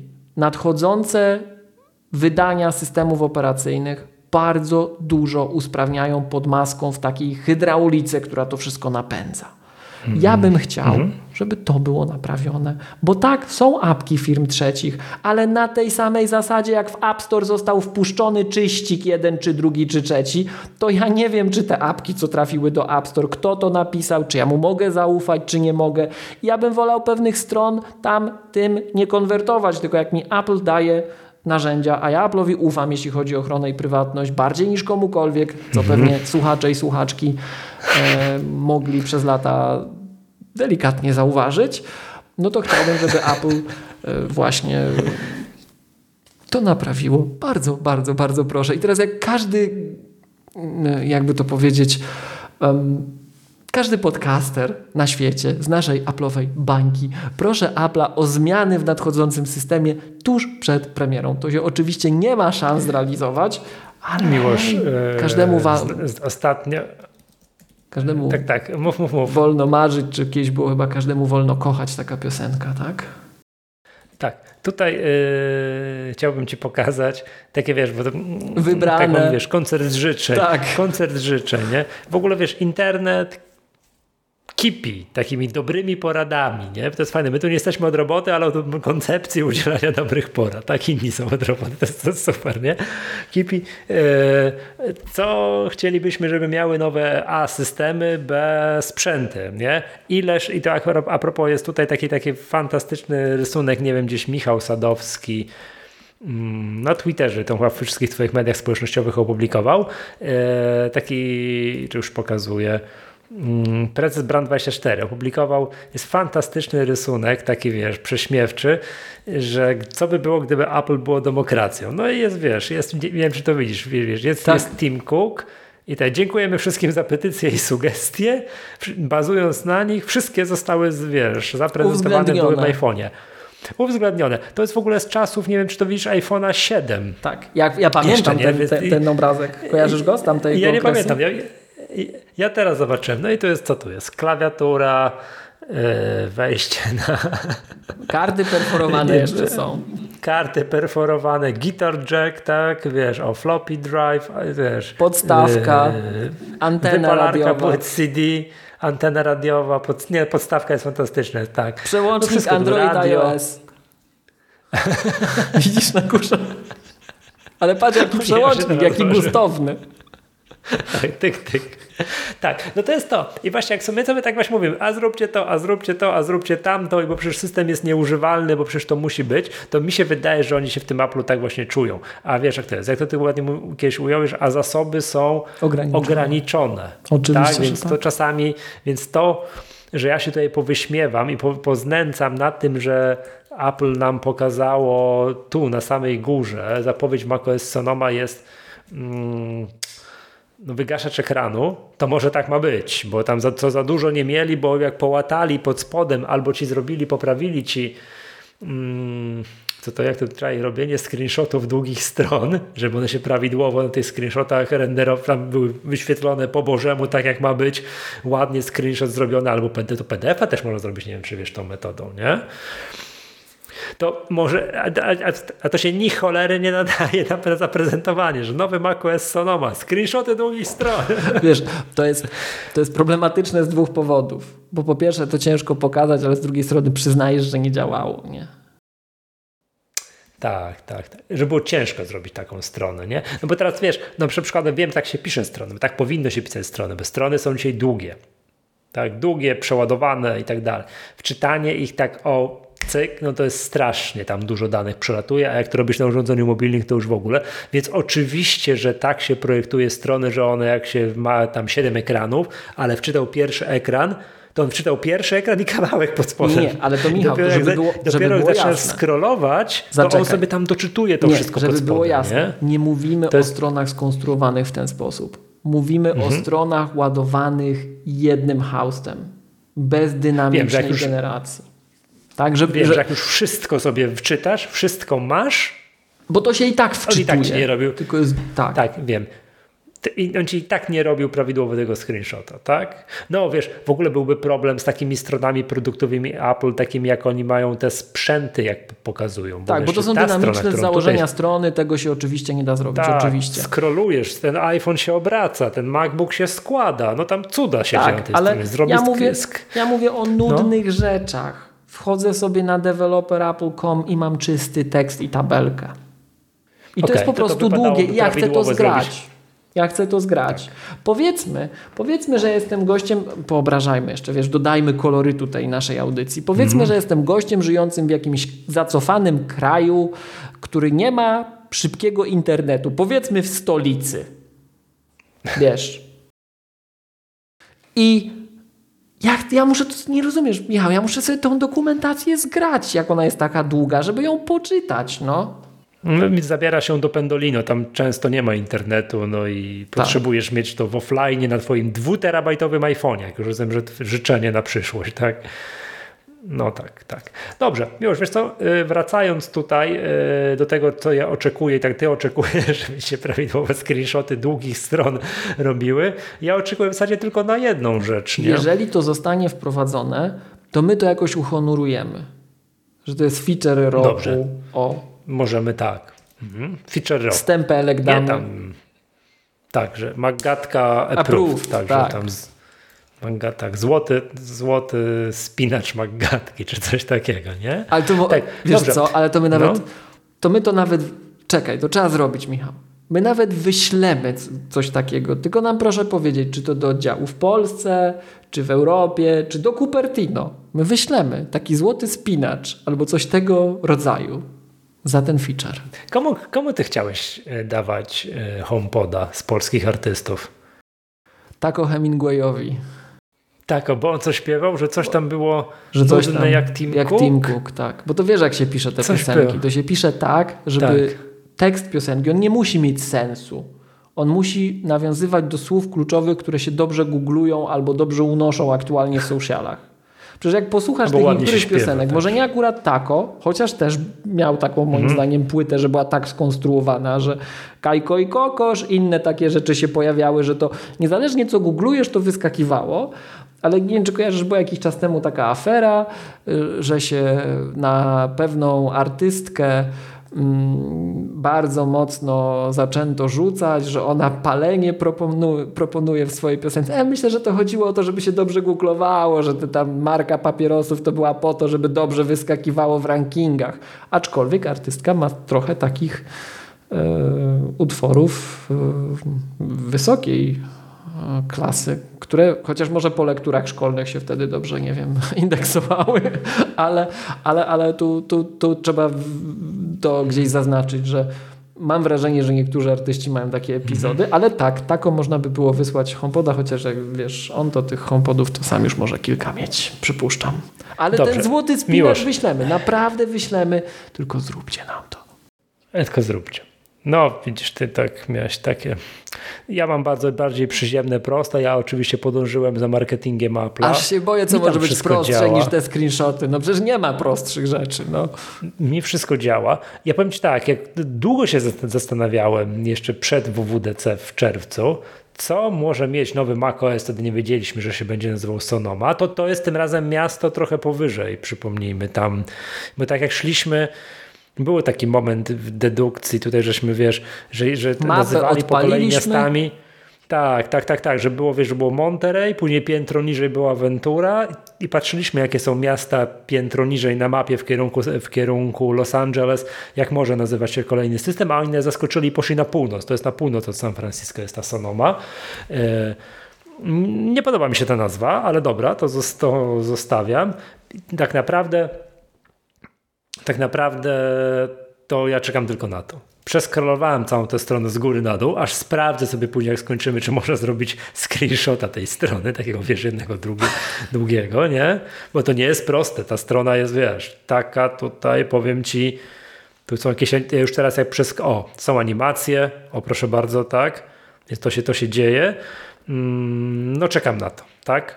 Po to, żeby można było sobie tego e, biurko w, na, ma, na Macu, tak, na komputerze zawidgetowić, tak, że można było, że można było sobie te widgety pomieszać, bo to jest fajne. I przypominam, mam to udokumentowane, odkąd widgety pojawiły się na iPhone'ie, a potem pojawiły się na iPadzie, a to ja już mam to tutaj udokumentowane, że mówiłem, że pojawią się na Macu, tak jak wszystkie różne usprawnienia pojawiają się na wszystkich platformach, to to też było, no, to patrz jak to zrobili na trzy tempa. Najpierw pokazali na iPhone'ie, minął rok, pokazali na iPodzie i teraz pokazują na Macu, tak? Jakby zrobili od razu na wszystkim, no to nie byłoby takie oczywiste. Ja tak sobie nie wiem, z czego to wynika, że najpierw zrobili na tym, potem na tym, potem na tym. To tak samo jak Dark Mode też było tak, że najpierw było na jednych urządzeniach, a później pojawiło się, chyba najpierw było na Macu, a później pojawiło się na, na urządzeniach mobilnych. Też tak no wiadomo, to wszystko jakoś tak, wiesz, raz jest tu, raz jest tu, raz jest tu. No to te widgety i jest oprócz samych widgetów, to, że one się po prostu pojawią, to jest jakby jedna rzecz, ale druga rzecz, te widgety zrobią się interaktywne. Czyli i tu jest wzorowy przykład, który chyba nawet tutaj widać, tak jest. Jest taki malutki widgetik na ekranie, bo święto chyba przypomnienia są, że, no bo dzisiaj widgety z przypomnienia no, wyglądają tak, że jak patrzysz sobie, aha, dobra, mamy tutaj nie wiem, jakąś listę zakupów, ale coś tam w inboxie i patrzysz, o, zrobiłbym to zadanie i klikasz, to on ci otwiera program przypomnienia, przepraszam, apkę przypomnienia i tam możesz, jesteś w tym widoku, powiedzmy w tym inboxie albo w tych zakupach, klik, odklikujesz to zadanie. To teraz będziesz mógł z widgetu to zrobić, tak? Oni tu się chwalą, to bardzo ładnie nazywają, że są to interaktywne widgety że będziesz mógł to światło włączyć, podcast odpalić, tak? Jeżeli będziesz miał jakiś pod, nie wiem, widget z podcastem, patrzysz, o, nowy odcinek Mangatki, czyli minął kolejny miesiąc, play. Tak. Prawda? Będzie można sobie puścić z widgetu. I to jest tak naprawdę wszystko. Tak? Wszystko. To mam wrażenie, że to, to, to że się może tak widgetowi, czy to na iPadzie, czy też, bo jakie słówko wymyśliłem, masakra po prostu. Także to jest słowotwórstwo straszliwie. Owidgetować. Owidgecić.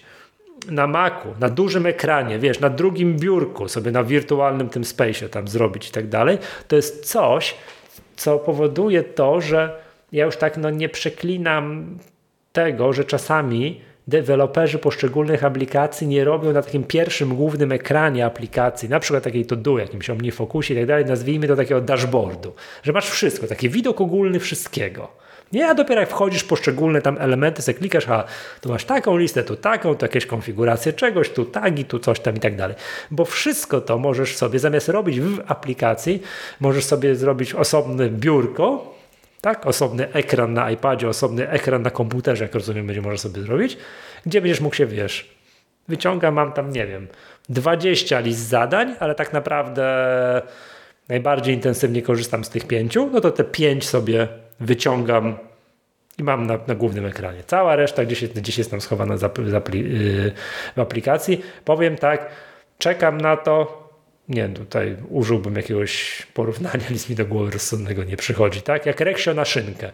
Naprawdę, tutaj chętnie bym, nie, to mówi się, że szarpałbym jak reksio szynkę. Także to jest ten. Yy, czekam na to bardzo, tak? Wyczekuję to, uważam, że to fantastyczne. Przeskrolowałem, odkąd zobaczyłem widgety na iPadzie, odkąd po raz pierwszy zobaczyłem widgety na, na iPhone'ie, to czekam na to, żeby się można było, wiesz, to sobie zrobić na, na Macu i czekam na to, żeby to były interaktywne widgety. Uważam, że to będzie że to będzie fantastyczne.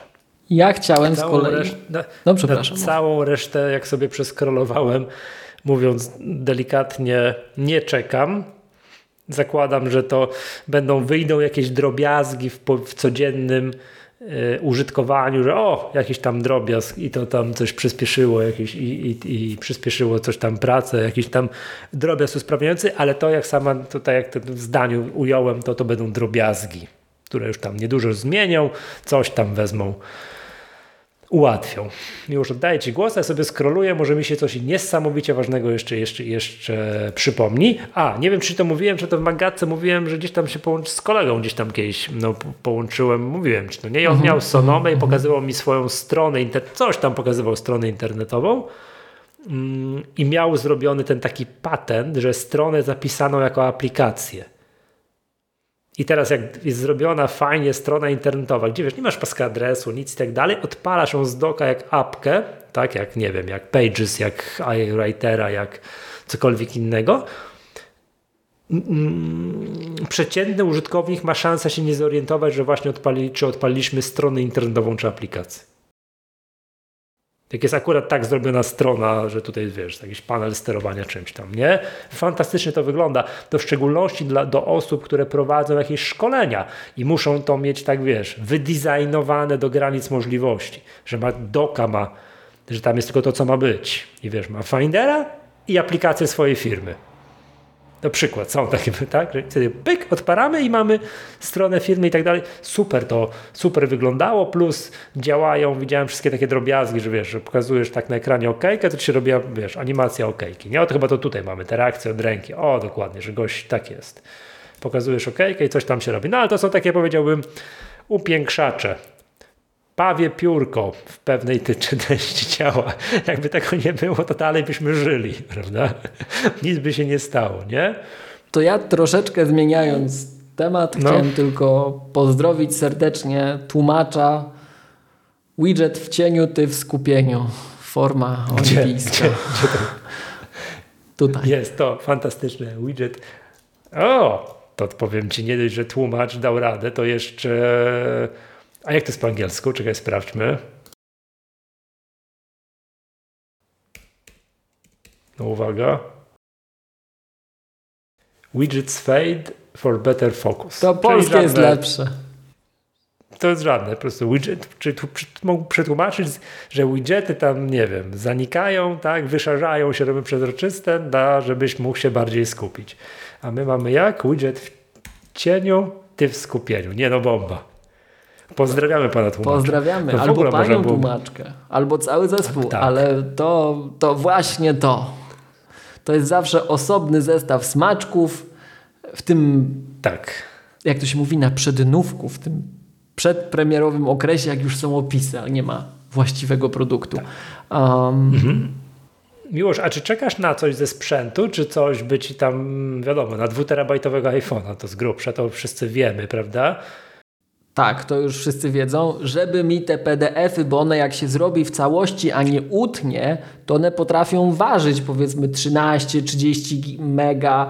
No to jak sobie podzielisz, tak. jeszcze dołożę, że ja podcastów dużo trzymam w Downcastie. Po, przypomnijmy, to trzeba podkreślać, promować, bo na przykład Overcast się bardzo często pojawia i na czacie, i w naszych rozmowach. Downcast, Downcast dla ludzi, którzy chcą korzystać z file providerów, tej systemowej technologii do przechowywania danych. Downcast, Downcast. Jeszcze chyba nawet bez abonamentu. To jest aż nieprzyzwoite, słuchajcie. To trzeba kupić. Takich ludzi trzeba wspierać. Za sam pomysł, za samą wolę walki.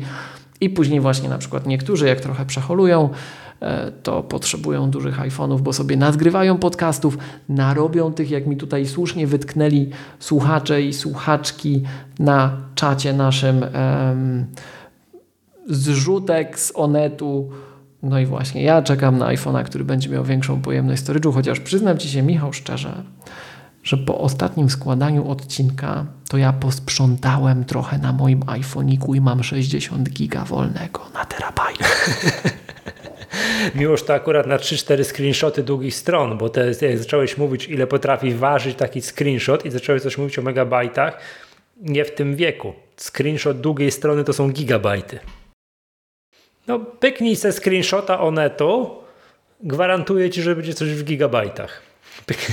Także to, to są bo to się wgrywa, to, to, to są gigabajty, nie? To taka strona, jakby masz taką stronę, która powiedzmy sobie z 7 ekranów, co w dzisiejszych czasach to nie jest jakieś mm, rzecz, którą się rzadko widzi, to jest raczej częste, nie? A jeszcze są, nie daj Bóg, te strony, które się automatycznie doczytują, wiesz, że doskrolowałeś do końca, a on zamiast stopkę wyświetli, to tam trochę strony zaczytuje, to tego w ogóle nie jesteś w stanie zrobić sensownie screenshota. No, to tak jak tutaj czat podpowiada, że 3-4 strony pełne wygładzonych zdjęć celebrytów z Plejady i masz i jesteś w gigabajtach, to gwarantuję ci. Nie? To, e, Fajną to ramach, rzeczą, na którą... W ramach reklamy przypomnijmy cały czas, cały czas najlepszym zakupem subskrypcyjnym roku dla mnie jest ten Onet Premium. E, tak. To za stówkę, znaczy tak zupełnie poważnie, to ma, e, to ma dwa fragmenty. Jeden taki z uśmiechem, a drugi bez. Zacznę od tego bez, bo on jest prawdziwy. E, za raport międzynarodowy. Jak najbardziej. Aha, za tak, za podcast tam. To, to, I to wiem, że niektórych słuchaczy tym zaraziłem, bo mi powiedzieli, za raport międzynarodowy ta stówka to jest jak za darmo. No ale poza tym właśnie te plejady, że się Doda popłakała, jak opowiadała o nowym show, to, to jest osobna wartość.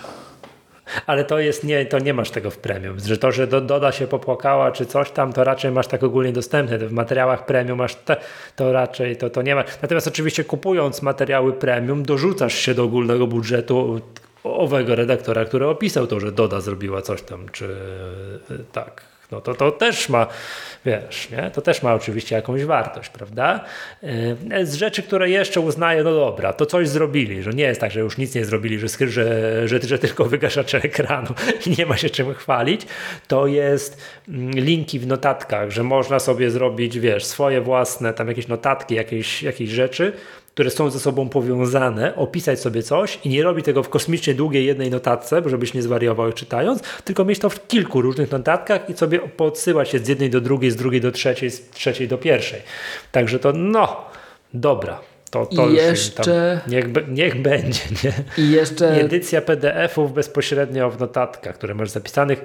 Dobra, to już tam uważam, że to też nie że to też jest fajne. Chciałoby że nie trzeba zgrywać tych PDF-ów, coś z nimi zrobić, uploadować z powrotem do aplikacji notatki, tylko możesz to bezpośrednio w notatkach tam coś zakreślić sobie, czy tam nie wiem co, no to no na przykład tutaj, mm, prawda? Chciałoby się powiedzieć, to swoją drogą jest taki, powiedziałbym, pewien e, wzorzec, który da się dostrzec w poprzednich iluś wersjach macOS, e, mhm. że mm, te usprawnienia, które Apple podaje, prezentuje w Sonomie, wcześniej w Venturze, mhm.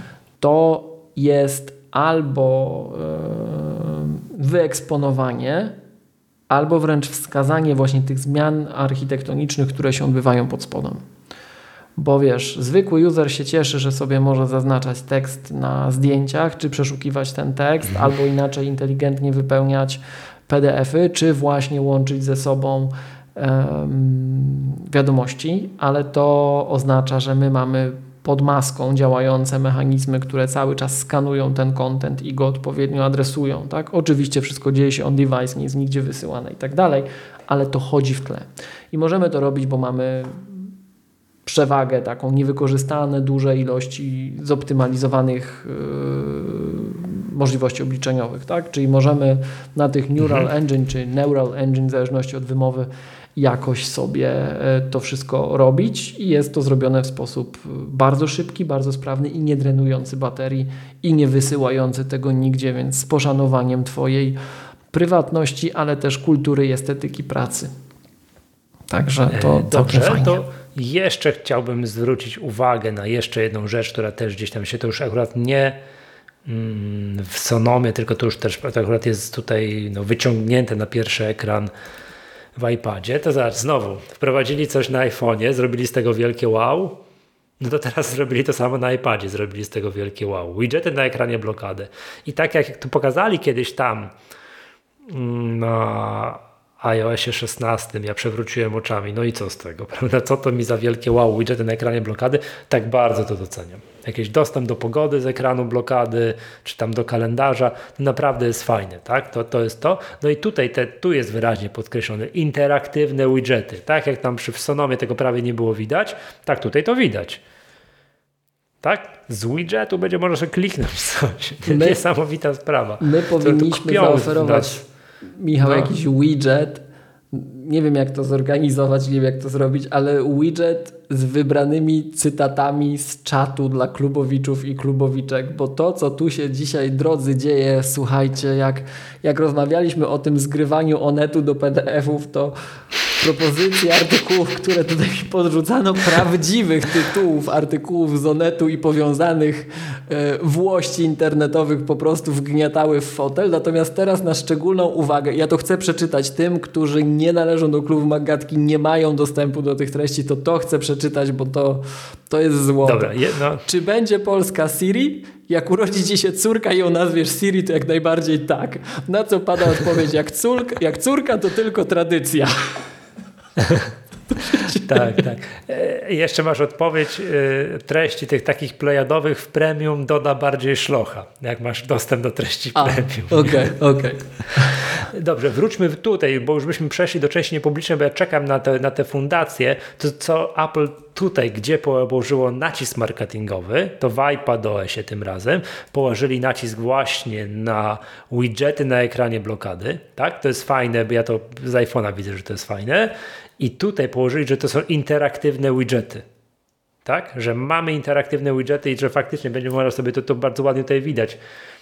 Przy, w przypomnieniach kliknąć, że coś się zrobiło. Przy czym, jak teraz na to patrzę i widzimy, że te widgety nie są interaktywne, to pamiętam, jak po raz pierwszy weszły widgety nie, to oni to nazywali extensions, czyli to, że jedna aplikacja może w drugą. Tak, tak mówiłem dzisiaj o tym przy okazji pamięci. kontenerów i przy okazji tego, że tak. jak usuwasz paczkę, to no, no, no, to co? Tak. Wydaje mi się, że wówczas, jak po raz pierwszy na, na ówczesnym macOSie czy na macOS 10 pojawiły się wówczas widgety w tym, jak to się nazywa z prawej strony ekranu, co, co, co to tam jest? E, centrum powiadomień. się wysuwa. Nie, Centrum powiadomień to jest z prawej strony od góry. To centrum sterowania, tak? Nie, centrum, a nie, powiadomienia, dobrze, centrum powiadomień, przepraszam, centrum powiadomień. Także tam i tam wówczas można było mieć widget OmniFocusa i na, poprawcie mnie, zastrzelcie mnie, jeżeli jest inaczej, wówczas moim zdaniem były tam interaktywne widgety. Takie właśnie, że tam, nie wiem, miałem jakąś listę zadań, jakiś inbox, whatever, i można było sobie tam, no myszką oczywiście, bo na Macu, kliknąć, że, że zadanie zostało wykonane, ale to teraz w tym momencie to wymyśliłem, jak będę to gdzieś to są czasy iOSa 8, tamtego macOSa i tak dalej, że mówili wówczas o tym extensions, że jedna aplikacja może drugą i zrobili to bezpiecznie i tak dalej, to musiałbym to teraz poszukać. No bo teraz, jak ja usłyszałem tutaj o interaktywne widgety, to się zorientowałem, że widgety, które posiadamy na, na Macu, tudzież na iPhone'ie, tudzież na iPadzie, nie są interaktywne. O faktycznie, skoro Apple reklamuje, że będą interaktywne, czyli one teraz nie są interaktywne. Ale zaraz, czy tak było zawsze?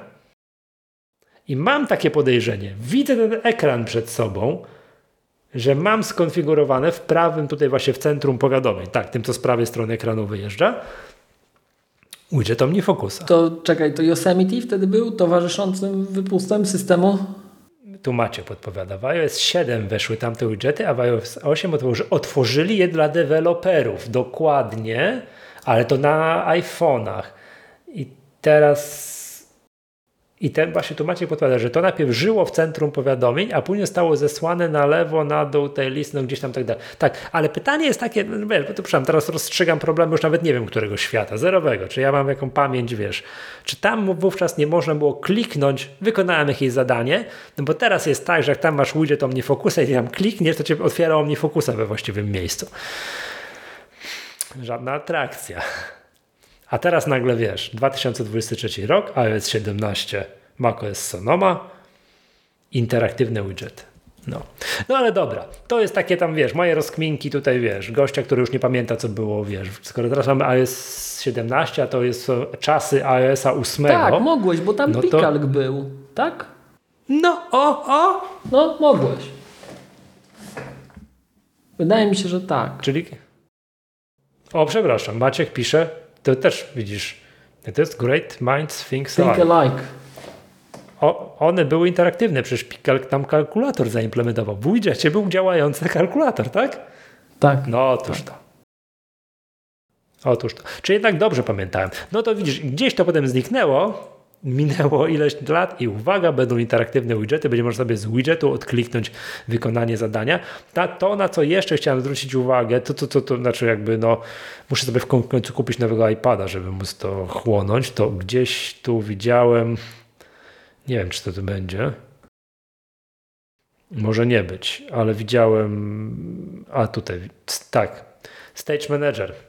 Będzie można samodzielnie ustawić, swobodnie przestawiać okna i zmieniać ich rozmiar, żeby zorganizować tutaj przestrzeń do pracy dokładnie tak, jak lubisz.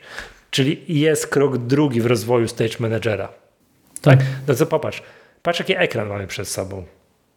To, że patrzymy na iPada, a nie na Maca w takim małym obudowaniu, to już naprawdę się niewiele różni. Nie? Klawiaturka jest, tak jest ekran jakoś nachylony, że no powiedzmy sobie, że to nie wiem, czy to nie jest ten iPad dziesiątej generacji, to jest tą taką klawiaturą, wiesz, no taką składaną z kilku części i tak dalej. To nie jest Magic Keyboard, nie? To, to, to co tutaj mamy na ekranie. Wydaje mi się, chociaż nie wiem, nie To jest wiem. ten iPad dziesiątej generacji, tak mi się wydaje, wiesz, ten taki podstawowy, nie? I tak, no, no bo Może tu nie ma tej takiej przestrzeni między iPadem, wiesz, nie, on nie jest taki zawieszony w powietrzu, tylko troszkę niżej, tak? No czym to się różni od komputera? Znaczy, widzisz, to ja już nie chciałem tego dzisiaj zaczynać, bo. Yy, no bo mieliśmy albo krótko, zobacz, taki ty czekasz ekran. na fundację, Popatrz. ja mam jeszcze jedno pytanie Tak. do ciebie, ale... e, Dobrze. Ale nie wiem, czy widziałeś, wylała się ostatnio przez, przez rozmaite gremia taki, taki, taki kubeł żalu po prostu, że, że iPad only to w ogóle weźcie wy sobie tego iPada, że tyle lat czekaliśmy i, i żaden iPad only, że odkąd działają apki na Macu, to my nie chcemy iPada. I to bardzo tak Gruber o tym pisał, Snell o tym pisał, MG Tsai to gdzieś od wielu, wielu miesięcy też promuje. No, warto zauważyć, że jest druga strona tej dyskusji, że iPad OS 16 dał nam sterowniki, dał nam em, możliwość pracy z wieloma monitorami, dał nam pierwszą wersję Stage Managera, dał nam pamięć wymiany, dał nam słopa, tylko czekać aż czyściki do App Store puszczą. Oczywiście żartuję, bo tam model użycia jest jeszcze inny. E, Ale Ja bym powiedział tak, że iPad to, jest, to była jedna z moich głównych obaw w rozwoju iPadOS-a, że przy tym takim, wiesz, dokładaniu kolejnych rzeczy, które powie, to jest iPad, to wiesz, what's a computer, nie? Że to No. jest że twój, twój kolejny komputer, że zgubi się to coś, co my tutaj nazywaliśmy, że iPad jest urządzeniem, komputerem dla dziadków. Że tak naprawdę może dać dziadkowi babci i powiedzieć, babciu, chcesz do mnie zadzwonić, to tu, tu się dzwoni kamerka, nie? Internet jest pod tym klawiszem, tak? Filmiki YouTube masz tu, tym klawiszem. Wiesz, że to jest takie proste urządzenie. Moja mama, jestem z niej, z niej bardzo dumny, bo świadomie wybrała e, iPada jako swój podstawowy komputer. Ma komputer, tak mówisz, jak robisz, siada do przelewu do banku, to siada do komputera, no to tam jest poważna sprawa, tak? A tak poza tym to on stoi cały dzień, cały dzień wyłączony, a mama używa iPada, jakiś tam, któraś, tam nie pamiętam, no, Przepraszam, ale jak już tak prosimy o te PDF-y, co się będą do końca generowały, to przypominam, że prosimy też mBank, też wyślemy Wam jakąś spinkę czy inny gadżet, żeby się dało potwierdzać te przelewy na zegarku. To już jak prosimy, Tak. to cały czas konsekwentnie. A, Przepraszam, to, to musiałem, Michał, musiałem. do banku, No. a, nie, a nie, rozumiem. Ale A wracając to wy jakby będziemy tak, wiedzieli, gdzie do- wysłać w ogóle. To wracając jakby do modelu użycia. Chodzi o to, że yy, wiesz, że, że iPad mimo tego, że wprowadza tu stage managera, tutaj jakiś, wiesz, widok dwu, taki, wiesz, że dual, tak się nazywa, split, Split screen, view, tak. tak, że split view, że kolejne rzeczy, których powodują, że możesz robić coraz więcej i więcej, że jak potrafisz w shortcutsy, to sobie zaprogramujesz już cuda na kiju i tak dalej, to moim zdaniem nie stracił tej cechy, że jak tego wszystkiego nie umiesz, to dalej możesz używać jak komputera dla dziadków. Że dalej on to ma. W związku z tym plus przenośna forma, że jednak jest o niebo bardziej przenośny. O wiele łatwiej sobie w Pendolino sobie takie coś rozłożyć, co tam kliknąć, film obejrzeć, odpisać na maila, tam nie wiem, rysikiem coś zaznaczyć. Także przez formę, jaką sobą reprezentuje, że możesz go wziąć na kanapę i książkę poczytać, albo nie wiem, poleżeć na, na, nie wiem, na leżaku w ogródku i tam film sobie obejrzeć, tak? Że to jest o niebo bardziej wygodnie, że to jest, wiesz co, iPad moim zdaniem wszystko przez lata nie stracił tego, co Steve Jobs reklamował, jak kiedyś, jak wiesz, roz, pamiętasz to? Rozsunęli iPhone'a i i Maca i zastanawiali się, czy jest miejsce na urządzenie po środku. Tak, czy tam netbook będzie. Tak, i netbook. Tak, że śmiali się z tego netbooka, nie? I że netbook nie jest better i w żadnej z tych rzeczy, które oni wymieniają, że właśnie czytanie czytanie, filmy, tam wiesz, muzyka, pisanie, no tam wymieniali te czynności, które ro ludzie robią na komputerach tudzież na telefonach i czy jest urządzenie, które potrafi już to wszystko robić lepiej. To moim zdaniem, mimo tego, że iPadOS się narozbudowywał przez lata, obudował się w Stage Managera, a właśnie w Split View, a to, a śmo, a, a aplikacje pliki, a coś tam i tak dalej, nie stracił tego podstawowego charakteru. Chcę tylko sobie obejrzeć film, kładę się na kanapie, pyk, włączam sobie film, oglądam film i to jest absolutnie najprostsza rzecz na świecie i jest to o niebo prostsze do wykonania niż na, niż, niż na Macu. Bo to pyk, paluszki, masz to pod jednym klawiszem i tak dalej, nie? Więc z takiego punktu widzenia, że teraz ktoś mi mówi, że nie, że iPad, to jest, że iPad się skończył, bo co? Bo można na Macu odpalać aplikacje z iPada. Nie, no to jest jakiś absurd, nie? No to, to, to jest... No bo on, wiesz, dyskusja jest taka, ja to rozumiem i tak słuchając Ciebie, to powiem Ci szczerze, mhm. E, ja też troszeczkę nowe spojrzenie zyskałem na to. Co nieczęsto mi się zdarza, jak sami ze sobą rozmawiamy już tam któryś raz. E, więc też dzięki za to, ale Ktoś na czacie to zauważył, Maciek to zauważył na czacie, że iPad nadal potrafi być tym komputerem dla dziadka. Tak, tak, tak, że on nie stracił, nie, nie, na, nie nabudowali, nie, na, nie nakombinowali tego wszystkiego, że... Że wiesz, że ten stage manager może no nawet celowo jest tam ukryty tak, że go nie włączysz. I to się trochę wpisuje w tę naszą wcześniejszą dzisiejszą dyskusję. Bo zobacz, ja, ja uważam, że to jest nie fair, Uważam, że to jest wręcz błędne spojrzenie. To jest i błędne, i nie fair, e, że o Macu się mówi, że Mac ma niespójną historię window managementu. Mac ma spójną Mac. historię, ona jest po prostu modalna. W zależności od sytuacji, w której się znajdujesz, robisz to albo tamto. Tylko, że Mac przez lata, wychodząc z bardzo skomplikowanego koncepcyjnie modelu, którego elastyczność, żeby zrozumieć, to trzeba rozumieć, jak ten system działa, trzeba rozumieć wiele przenośni, które tam są, mhm.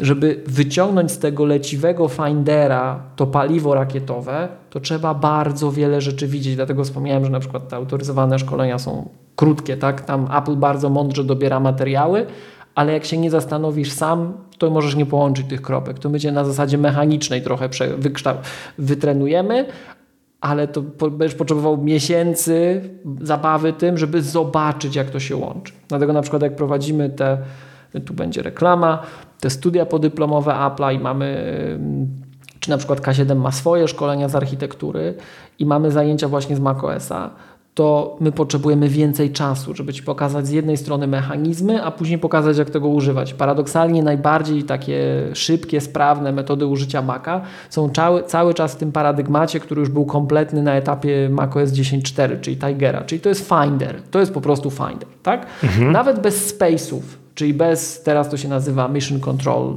yy, i Full Screen Mode, mhm. jeżeli, jeżeli masz to dobrze opanowane. Natomiast przez lata Apple właśnie dodawało screens, czyli dzisiaj Mission Control, Stage Managera, innego rodzaju rozwiązania, które ułatwiają, no i na przykład Launchpada, które ułatwiały, jak gdyby obniżały poziom wejścia, ale też obniżały możliwości, elastyczność. Jak ty umiesz z tego korzystać, rozumiesz to, że to są różne tryby, które mają różne zastosowanie w różnych sytuacjach, to fajnie się z tego korzysta. Wiesz w ogóle, gdzie zobaczyć, czy użytkownik rozumie, jak korzystać z window managementu na Macu, jeżeli potrafi wyjaśnić różnicę między minimalizacją okna a ukrywaniem aplikacji.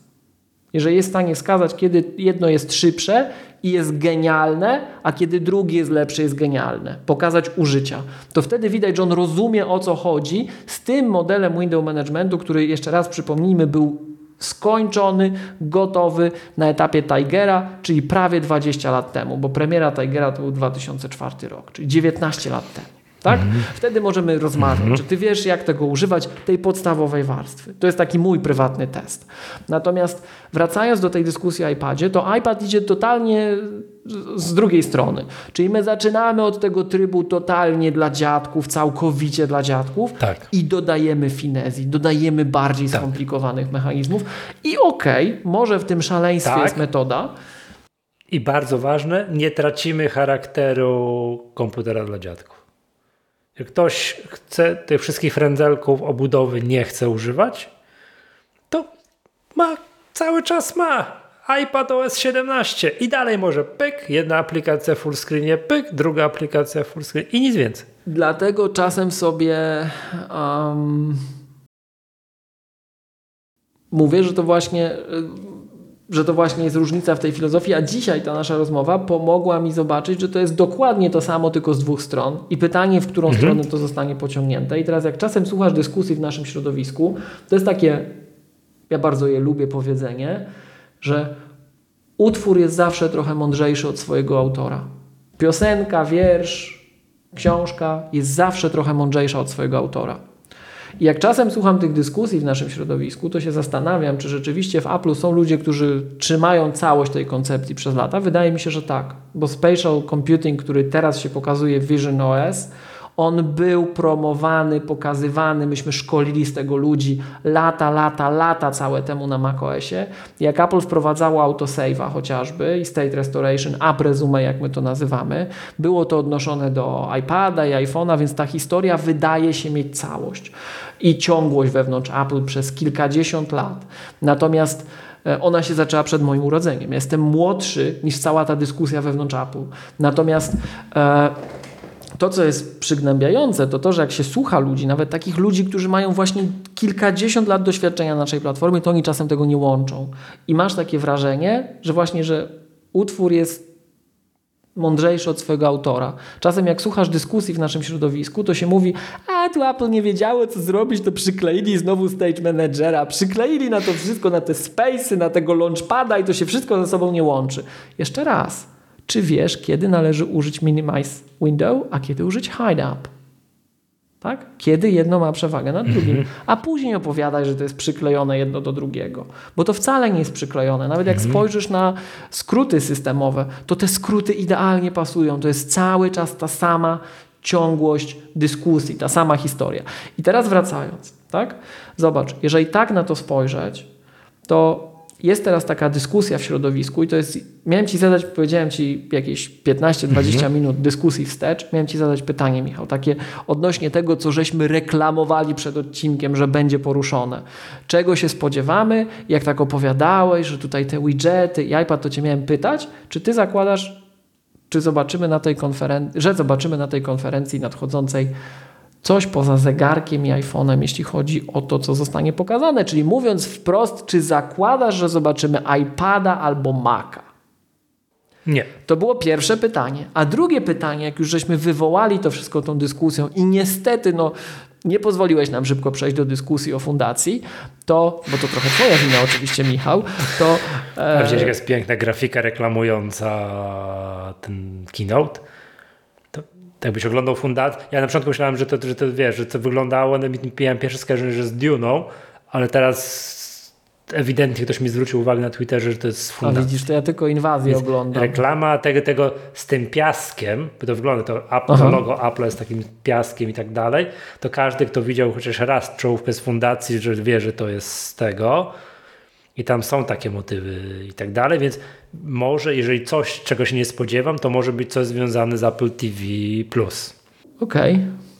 Bo skoro logo jest fundacyjne, zaraz przechodzimy, już, już nie mogę się doczekać, okay. do zamkni zamkniętego webinaru premium dla członków klubu Magatka Plus. I członki. To, to, tak, oczywiście. To, to, to, to, to, to. to. Natomiast sprzętu się nie spodziewam. Spodziewam się Oczywiście nowego iPhone'a 15, który będzie miał 2 terabajty, miłość to ukłony tutaj, pozdrowienia dla Ciebie. I spodziewam się Apple Watcha. W szczególności zadaję publiczne pytanie, czy będzie Apple Watch Ultra drugiej generacji.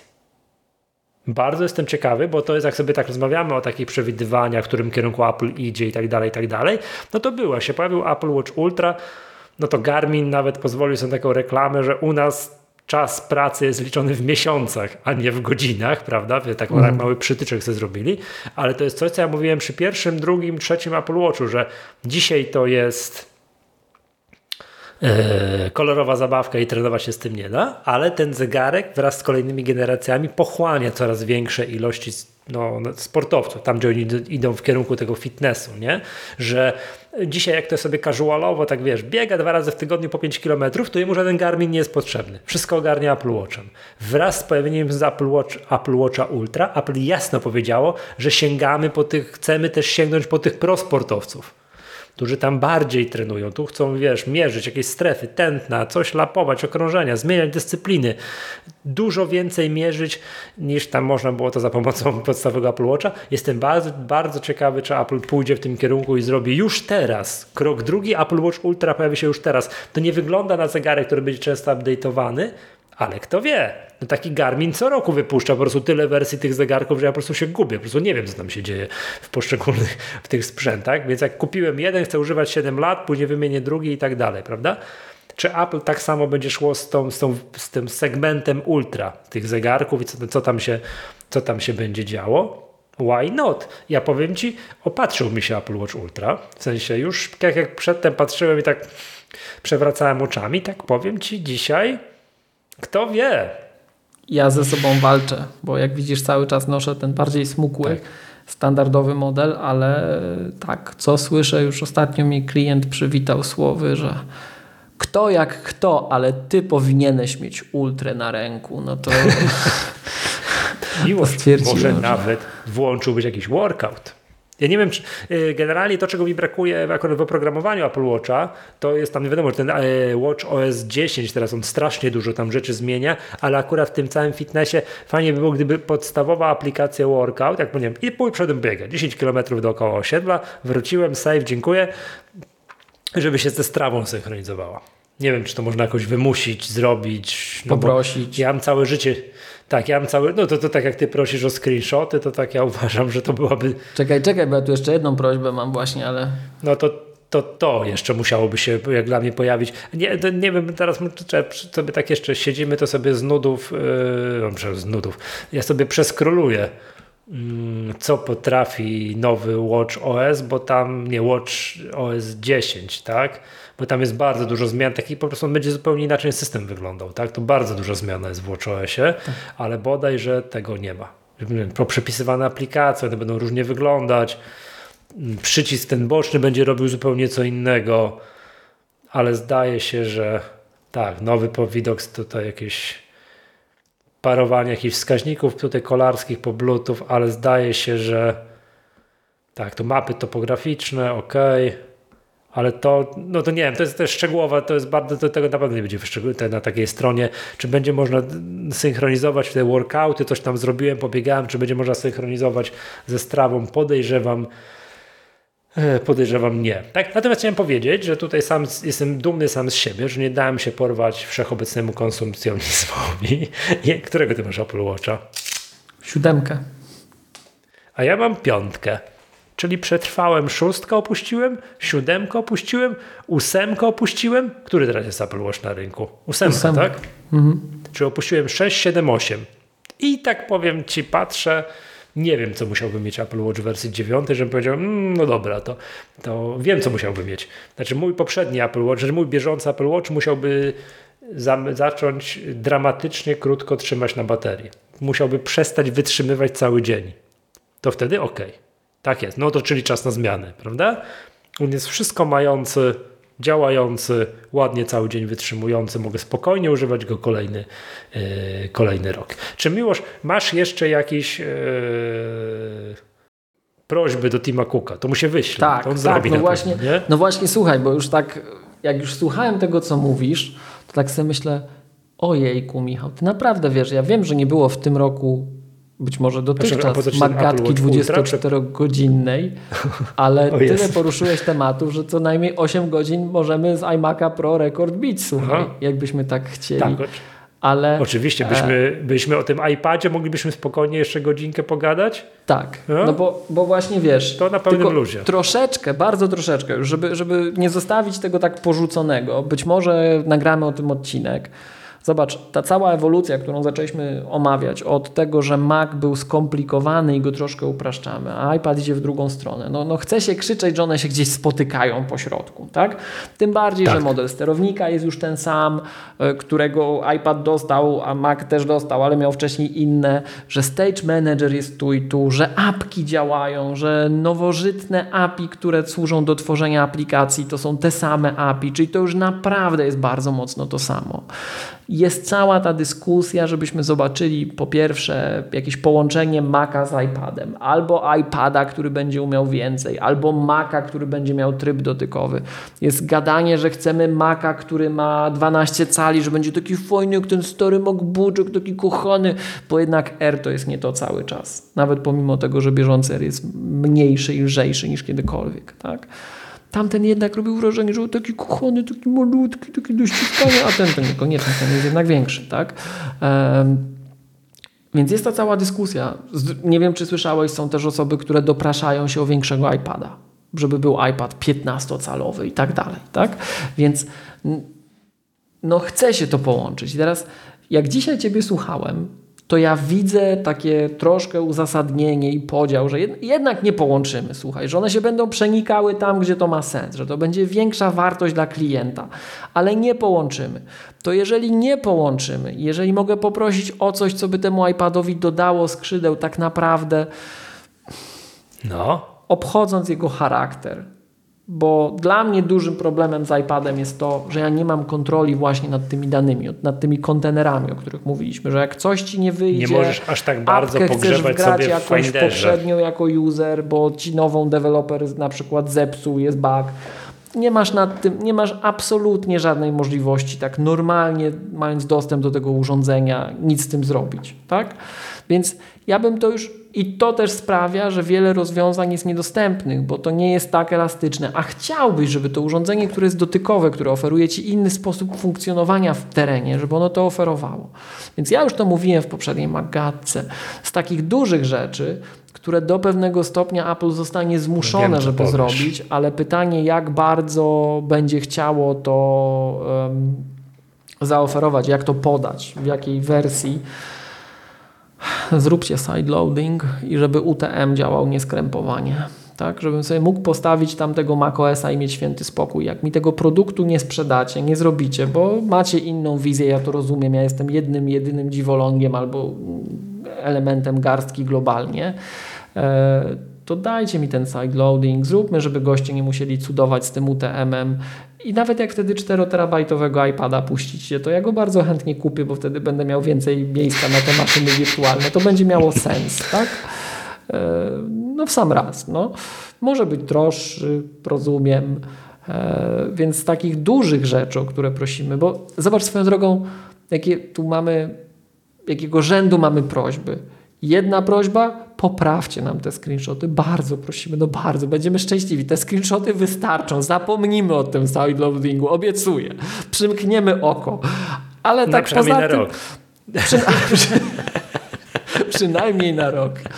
A, A, jak dostaniemy jedno, to wtedy będziemy chcieli drugie. Jak ale dostaniemy drugie, rok, tak, to, to rok obiecujemy spokoju. To, to, ale, rok, rok, święty spokój. Ale jak już nie, no to jeszcze to widzimy, widzimy ten sideloading. Widzimy to, że platforma jest zamknięta, a to by pozwoliło uciec tym, którzy będą potrafili, bo umówmy się, Kowalski tego nie wykorzysta.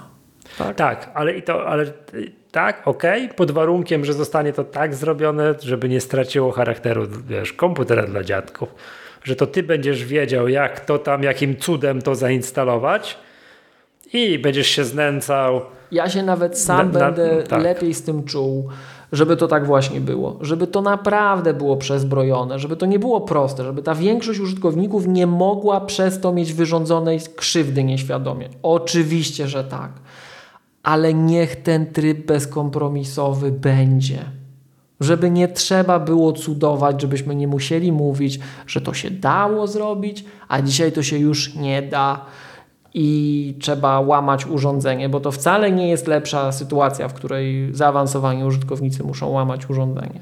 To jest gorsza sytuacja. To jest zdecydowanie gorsza, nie, jeśli nie, chodzi nie, o security posture.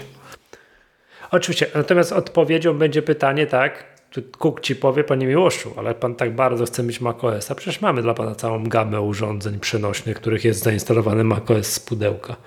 No, ale po co pan chce instalować? To chodzi o to, bo drogi panie Timie Kuku, ja tu mhm. jeżdżę wrocławskimi tramwajami, ja Wiem, najczęściej forma, to ja używam forma tego... iPada tak. jest o tak. wiele bardziej wygodna, a nie komputer jest. Nie ma jak usiąść w tym tramwaju, to za duży tłok jest, to się na stojąco żyje, pracuje, mhm. funkcjonuje. No to powiem Ci tak, już ty, ty, ty, oczekujesz już hardkoru. Ta, oczywiście, tego, że tak. Ja wiem, że to ty jest... oczekujesz... Mhm. Taka wykombinowana ja natomiast... dla jednego użytkownika czy garstki na planecie rzecz. Aczkolwiek ten sideloading, taki prawdziwy, on by otworzył pole do innowacji on by pokazał, co można z tego wycisnąć. Kicking and screaming. Okay. To ja z kolei oczekuję tego, czego oni, co oni robią tak naprawdę, czyli not, czy oni not merging iOS i macOS, tak? To tam było gdzieś tam, czy, czy łączycie system, oczywiście nie. Ja oczekuję, żeby ten, ta droga, ten proces, który teraz postępuje, że zbliżania się platform, tak? przenikania się, żeby on postępował że tak jak teraz jest, jeszcze sobie wyświetlę, bo tutaj zacząłem sobie w międzyczasie scrollować tego mm, Apple Watcha Ultra, jak sobie tak zaczęliśmy rozmawiać, ale wrócę do tego ekranu, y, gdzie jest prezentacja iPad OS 17, na jeden przewidywany taki ekran, który robi na mnie bardzo duże wrażenie, czyli tego jak, i to już robił poprzednio, czyli tego jak jest iPad podłączony do zewnętrznego ekranu jaka tu jest swoboda. Tak naprawdę oni tutaj to jest akurat reklama tego, że przez FaceTime można rozmawiać. No to tam nie robi na mnie wrażenia, ale popatrz, jak na tym iPadzie przy połączeniu z użyciem Stage Managera, jak to wszystko jest zorganizowane, tak? No popatrz na górny ekran, no trzeba długo się wpatrywać, żeby powiedzieć, że to jest iPad, a nie macOS. Nie? Okna ułożone tak, jak użytkownik chciał, dok na dole, to wszystko się zgadza. Tutaj okienka po lewej tego Stage Managera, gra gitara. Skąd wiadomo, że to jest iPad OS, a nie macOS? Więc ja oczekuję tak naprawdę tego. Ty oczekujesz hardcore'u, a ja oczekuję kolejnego step tam następ, następnego kroku i jeszcze następnego, żeby na tym iPadzie, że on przypominał jak najbardziej, wiesz, tą pracę taką, wiesz, przy ten, żeby ten Windows Management był jeszcze bardziej swobodny, bo to tak, na, tak w mojej ocenie bardzo utrudnia pracę z iPadem. Nie wiem, wiesz, tak jak na Macu, ja bardzo często nie wiem, a sobie włączę forklifta, o którym dzisiaj mówimy, albo pięć okien E, Findera rozłożę sobie na ekranie i popatrzę, aha, w tym katalogu mam to, w tym to, w tym to, a to nie, złapię, przyciągnę z tego do tego. I na Macu to jest najprostsza rzecz z możliwych, nie? A tu sobie coś otaguję jakieś, jakieś, jakimś tagiem, tu sobie tu wyświetlę, dobra, to okno już zamknę, tu sobie wezmę, złapię pięć plików i zrobię, żeby one były w podkatalogu i na Macu to jest pik, pik, pik i już, nie? Zrobienie tego samego na iPadzie, no trochę jest, wymagałoby lekkiej gimnastyki, prawda? To oczekiwałbym tego, żeby to było coraz prostsze, bo ta forma przenośna, że to jest łatwe na tym leżaku na tarasie, w pociągu w tym pendolino, że to jest, żeby to było taka praca taka na tym iPadzie przenośna była, była coraz prostsza, no i to chyba tyle, nie? Tak, tego zbliżania się środowisk, żeby to przejście, że z jednej strony wstaję z, z Maca, przesiadam się do iPada i jedziemy dalej. Nie? W Pages jestem już w tym samym momencie, w iMessage jestem w tym samym momencie i tak dalej, to, żeby, to żebym w systemie był jeszcze w tym samym momencie. Ty, Michał, akceptujesz zamknięcie platformy tak, jak ona jest, w tej chwili zaspawana. Ty chcesz po prostu tak więcej tak funkcji. Tak. Okej. Okay. No to widzisz, my, my w pewien sposób dążymy do tego samego. Natomiast jakby ten sideloading był, to takie friki by dostały skrót. A z czasem i tak by się cieszyły tym, co Apple wprowadzi dla wszystkich. Bo umówmy się, mhm. to w jaki sposób wygląda i funkcjonuje model bezpieczeństwa iPadOS czy iOS, to jest coś, co ja widzę, doceniam i cenię, po prostu cenię, ja się tym cieszę. Eee, jestem wdzięczny, że takie coś jest. No ale momentami byś chciał coś zrobić bardziej elastycznie. Jak ja bym miał nawet taki właśnie taki taki tam, wiesz, wy, wykrojony fragmencik, że tam to ja o, mogę szaleć, tak? Tam sobie odpalę właśnie pełnego macOS albo Linuxa mhm. albo cokolwiek. A to, to niech dalej sobie tam idzie, nie? To, to byśmy mieli najlepsze z dwóch światów. Ale jak nie można mieć wszystkiego, to te PDF-y. Niech się dobrze drukują, będzie Dobra. dobrze. Na Tak, rok zapomnijmy niech- o sprawie się- co najmniej. Nie? Tak jest. Miłosz, już prawie mieliśmy kończyć, ale nam słusznie zwrócono uwagę, że jeszcze jest kącik kulturalny. To ja miałbym Oczywiście. jedną rzecz do kącika kulturalnego. Bardzo proszę. Eee, mm, chciałbym polecić na Apple TV Plusie. Jest film, który się nazywa Stephen Curry e, Underrated, czyli po polsku to jest chyba. No, dobre pytanie. Jak to jest po polsku? Niedoceniony. Czekaj. Taki wiesz, za słabo, za słabo, za nisko Na straconej pozycji. Na, O, na straconej tak, to jest lepsze może tłumaczenie. No. Na straconej pozycji. Kojarzysz Stephen Curry? Kto to jest? Powiedziałeś mi, normalnie Lider nie kojarzyłem. Li- koszykarz, lider zespołu Golden State Warriors, tak? która zdobyła cztery mistrzostwa NBA. Tak, fantastyczna ekipa. A Stephen Curry to jest, jest fenomen, jest po prostu, wiesz, można powiedzieć, najlepszy rzucający za trzy w historii NBA. No po prostu co chłop robi, to głowa mała. A on, mm, czemu tam jest, że jest na straconej pozycji, że skąd jest ten tytuł filmu? To jest mały chłopiec w porównaniu z z chłopami, z wielkimi, wiesz, dwumetrowymi kolosami, które grają w NBA. On ma 1,88 m, co jak na standardy NBA to jest niskim zawodnikiem, jest bardzo niskim rozgrywającym, ale mimo tego wywalczył sobie no, należne miejsce. I jest taka dualna historia, fantastycznie pokazana. Z jednej strony, jak on gra w jakimś w high school, w zesp- zespół Davidson, tak? który tam ogony w tej lidze uczelnianej grał, ale jak on się tam dostał i jak go pokazali, jak on wyglądał jak dzidziuś taki malutki, jak rozpoczynał te studia, prawda? Bardzo dobrze sprzedajesz wdarł. ten film, no już jestem ciekaw. Tak, jak się, jak się wdarł. I wiesz, pierwszy mecz mu nie wyszedł, to go poblokowali, coś tam, ale trener dawał mu drugą szansę i on krok po kroku gdzieś tam i, i z tym nie zdobył jakiegoś tam mistrzostwa ligi tej uniwersyteckiej, ale bardzo wysoko z tym zespołem zaszedł i jest równolegle pokazywane, tak wiesz, raz tu, raz tu, raz tu, raz tu, jak on się przebijał w NBA, tak? Jak trafił do zespołu Golden State, jak został liderem i jak w pewnym momencie zdobyli trzy mistrzostwa i jest historia nagle bodajże z którego roku tam w jednym roku zdobywali czwarte mistrzostwo, że dramatycznie im nie szło, że przegrywali mecze, że, tu, że nie szło, nie szło, nie szło i aż w końcu gdzieś rozpędzili się w playoffach i jednak to czwarte, czwarte mistrzostwo zdobyli, mimo że wszyscy już wieszczyli na nich wieszczyli yy, na nich, yy, no, że, że nic już z tego zespołu nie będzie. Super się to ogląda, tak? A przy okazji fajna rodzina tego St- Stefana Ker- Kerego, że on gdzieś tam było, że on przerwał studia wcześniej, żeby już pójść do NBA. Skończył tylko 3 lata studiów i już się zgłosił do draftu, został wybrany i, i no, z gigantycznymi sukcesami w tym, w tym NBA grał. Jak jego rodzina, jak mu mama truje, że tam nic w życiu nie osiągnąłeś, coś tam, coś tam. Mamo, jestem trzykrotnym mistrzem NBA. To jeszcze studia skończy, będzie i będzie dobrze, nie? I on też fajnie pokazać tam, jak wiesz, jest pokazane, jak on gdzieś tam, wiesz, na Macu, albo na iPadzie, przepraszam. O, na iPadzie, to widać, że to serial przez Apple'a kręcony, nie? Gdzieś tam rozmawia przez FaceTime z jakąś swoją panią promotor, z jakąś panią profesor i uzgadniają temat pracy, on gdzieś tam coś o sporcie pisał i tak dalej, tak? Tu jest yy, pytanie na czacie, czy to jest taki Last Dance. No nie. To jest yy, Last Dance jest yy, to też jest film, o którym mówiliśmy. To jest film, który z kolei serial na Netflixie mówiący, to jest historia ostatniego sezonu, a tak naprawdę historia całej pot- budowy, całej potęgi Chicago Bulls tam w latach 90. z Michaelem Jordanem.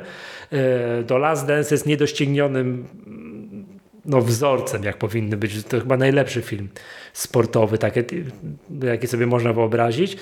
Mm, Poza tym Last Dance jest serialem, a ten, a ten Stephen Curry Underrated to jest jeden film. To jest tam godzinka z To hakiem. od razu Nie wiem. Tak, to jest Tutaj. gigantyczna zaleta. W zalewach seriali, drugich sezonów tychże seriali, po czym trzecich sezonów tychże seriali, jak nagle dostajemy albo miniserial, albo wręcz jednoodcinkowy film, to jest po prostu takie złoto, że głowa mała, tak? Od razu uprzedzam, że to jest film dla fanów koszykówki. Tak, jak ktoś śledzi Myc NBA i kojarzy, że jest taki super shooter w Golden State Warriors Stephen Curry, że on jest niski, ale ma po prostu niesamowitą łatwość rzutu, wygrywał konkurs rzutów za trzy punkty, no genialny gość. I zobaczenie jak ta jego historia przebiegała, tak, można powiedzieć od od naprawdę takiego dzidziusia, że głowa mała do, do mistrza NBA i później czterokrotnego mistrza NBA jest niesamowita. Bardzo fajnie, że się to ogląda. Ja mówię, polecam oglądać, bo krótkie, jak to pani profesor Bartosiewicz by powiedziała tutaj, nie? Oglądać, bo krótkie. Jeden, jeden odcinek, ile to tam trwa?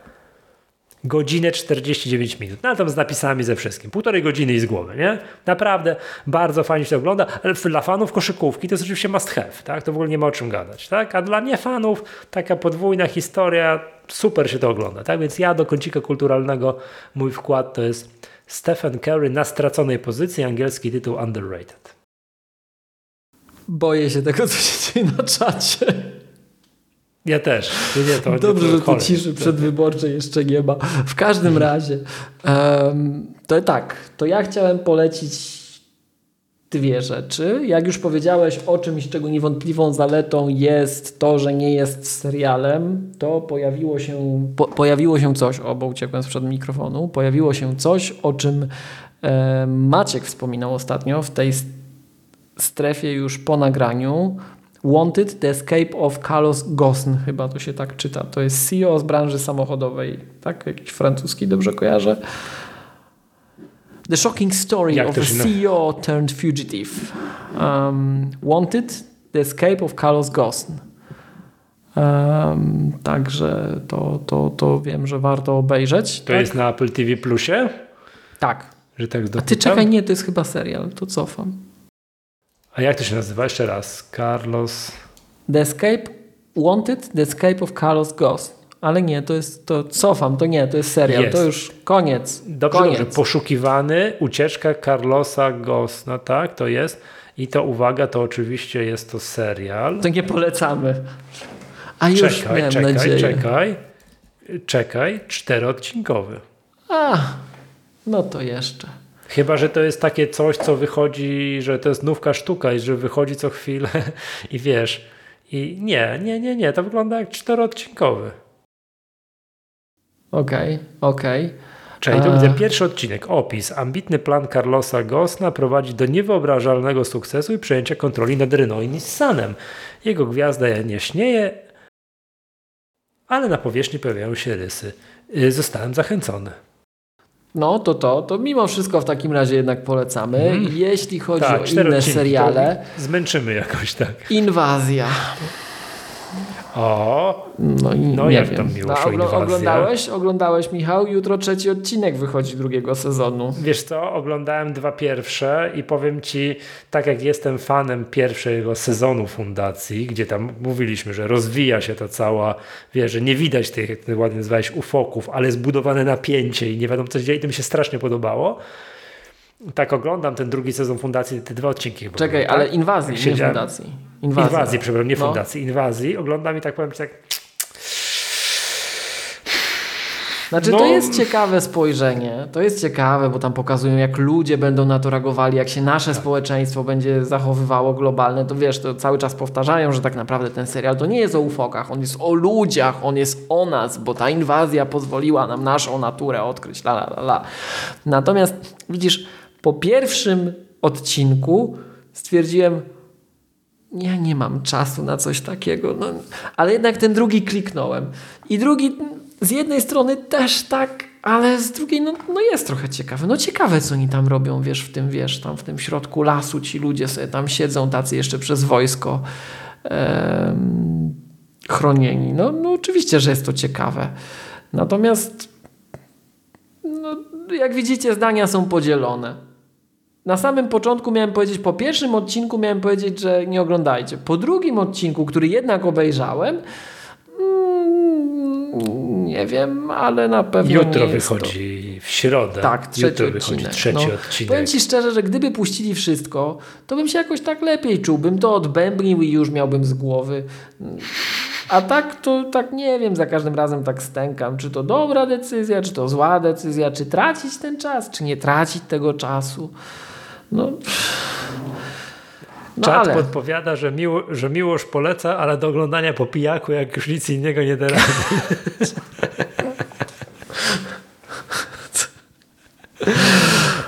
Rozterki tak. moralne, ja... obejrzeć odcinek inwazji czy nie? Otóż tak, to. Ja, ja tam jeszcze pozostanę grzecznie fanem pierwszego sezonu inwazji. Czyli jak z tym, jak z House of Cards. Tak, jak z House of Cards, dokładnie. No to, to jest cała masa takich seriali, że pierwsze sezony zabiły. Im dalej w las, tym tak. Ale żeby była jasność, też grzecznie jutro siądę do trzeciego odcinku inwazji. A jednak. Tak. Tak, tak, tak, tak. Nie, oprócz tego, że trochę nie wiem, co się dzieje, że to jest taki film, że złapałem się te, przy tych dwóch pierwszych odcinkach drugiego sezonu Inwazji, złapałem się na tym, że to jest fantastyczny serial, podczas którego można wyjść do kuchni, zamieszać zupę, wrócić i nic się nie, nie, nie straciłeś. Nie tracisz no, za nie, dużo. No. Akcja się nie posunęła, dalej nie wiadomo o co chodzi. wiesz, wszystko jest tak, wiesz, nie? No. To tak z grubsza to jest, to jest tego typu film, nie? Żeby tak teraz, o ile byłem w stanie bardzo precyzyjnie opowiedzieć, co pierwszy sezon fundacji. Ok, działo się to, tacy bohaterowie, tak budowane napięcie, dążyło ku temu, gra gitara. Wiem o co chodzi siedziałem, oglądałem i naprawdę czekałem na kolejne odcinki. I tak teraz tak, no obejrzę ten trzeci odcinek, ale no nie wiem, czy tam nie trzeba będzie jakiegoś, wiesz, nie, później obejrzeć, po czym jeszcze raz trzeba będzie obejrzeć, żeby, żeby dokładnie złapać o co chodzi, nie? Tak. Ja tylko chciałem powiedzieć, bo tu słuchając tych naszych wywodów, podrzucając rozmaite pomysły, na to, jak podejść do tego oglądania inwazji, nasi słuchacze, za co jestem niezmiernie wdzięczny, przypomnieli pewien serial, o którym już zapomniałem. Tylko, że wymieniają tu jego nazwę jako Mściciel na Harley'u, a przecież to był Renegat z Lorenzo Lamasem grającym Reno Reigns. Już sobie odpaliłem ściągę. I tam jeszcze był Bobby Sixkiller i miał fajną siostrę. Także no... Dobra, wracamy do jakiejś historii. Dobra, czyli to... Czekaj, czekaj, tak, jeszcze, jeszcze część do... muzyczna. Jeszcze część no, muzyczna. No bo jak mamy, tak, czekaj, czekaj, Stefana Kerego, drugi, drugi sezon inwazji, ale to po pijaku, tak? Jak będziemy nic innego, tak? I tego, tego jeszcze Carlosa Ghost Wanted. Tak, Dobrze, to to jeszcze, to, to, to, to, to koniecznie, tak? Dobrze. Um, no i czekaj, Bardzo i muzycznie. Masz coś muzycznie? To jeszcze. Nie. To, żeby oddać należne honory tym, których żeśmy tu przywołali do tablicy, trzy piosenki. Od Taco Hemingwaya, Gelato albo Gelato i Macarena Freestyle z akcentem na ostatnie 30 sekund tego utworu, które chyba sobie zapętlę normalnie i zrobię z tego dzwonek na telefon co najmniej. E, a jako remix Sana, Melodia Remix Radio Edit od NRD1. Nie wiem, czy to coś ma z podziałem Niemiec na wschodnich i zachodnie wspólnego, ale od NRD1. E, dobrze, dobrze. Dobrze, Miłosz, yy, dziękuję bardzo. Zapraszamy wszystkich klubowiczów teraz do części niepublicznej na webinar premium. Tak, w ogóle już nie pójdziemy spać, może to przełóżmy. Nie, nie, nie. No gdzie? Przecież ja już teraz ja czekam na to i tak dalej. To, to w pół do pierwszej skończymy. Maciek przez, tak jest, a właśnie to niedobrze, bo muszę wcześniej wstać rano, ale to nie szkodzi, to jest bardzo ważne. Zapowiadaliśmy to tyle czasu, Maciek, tutaj tyle Celu czasu nic nie przekładamy. Tak jest. Słuchajcie, to, było, to gorąco zachęcamy. Zachęcamy do przystępowania do klubu Magatka Plus, bo ten odcinek, tę część premium będzie można obejrzeć tak z odtworzenia, jak ktoś będzie chciał. Prawda? I to wszystko jest na wideo i z czatem. Tak i z czatem. To jest obłęd, co tu się, co tu się wyrabia. Dobrze, słuchajcie, dziękujemy serdecznie. To była Magatka, podcast z serwisu MyApple. Ja nazywam się Michał Masłowski. Z tej strony Miłosz Staszewski z K7. Do zobaczenia, do usłyszenia, do usłyszenia w kontakcie.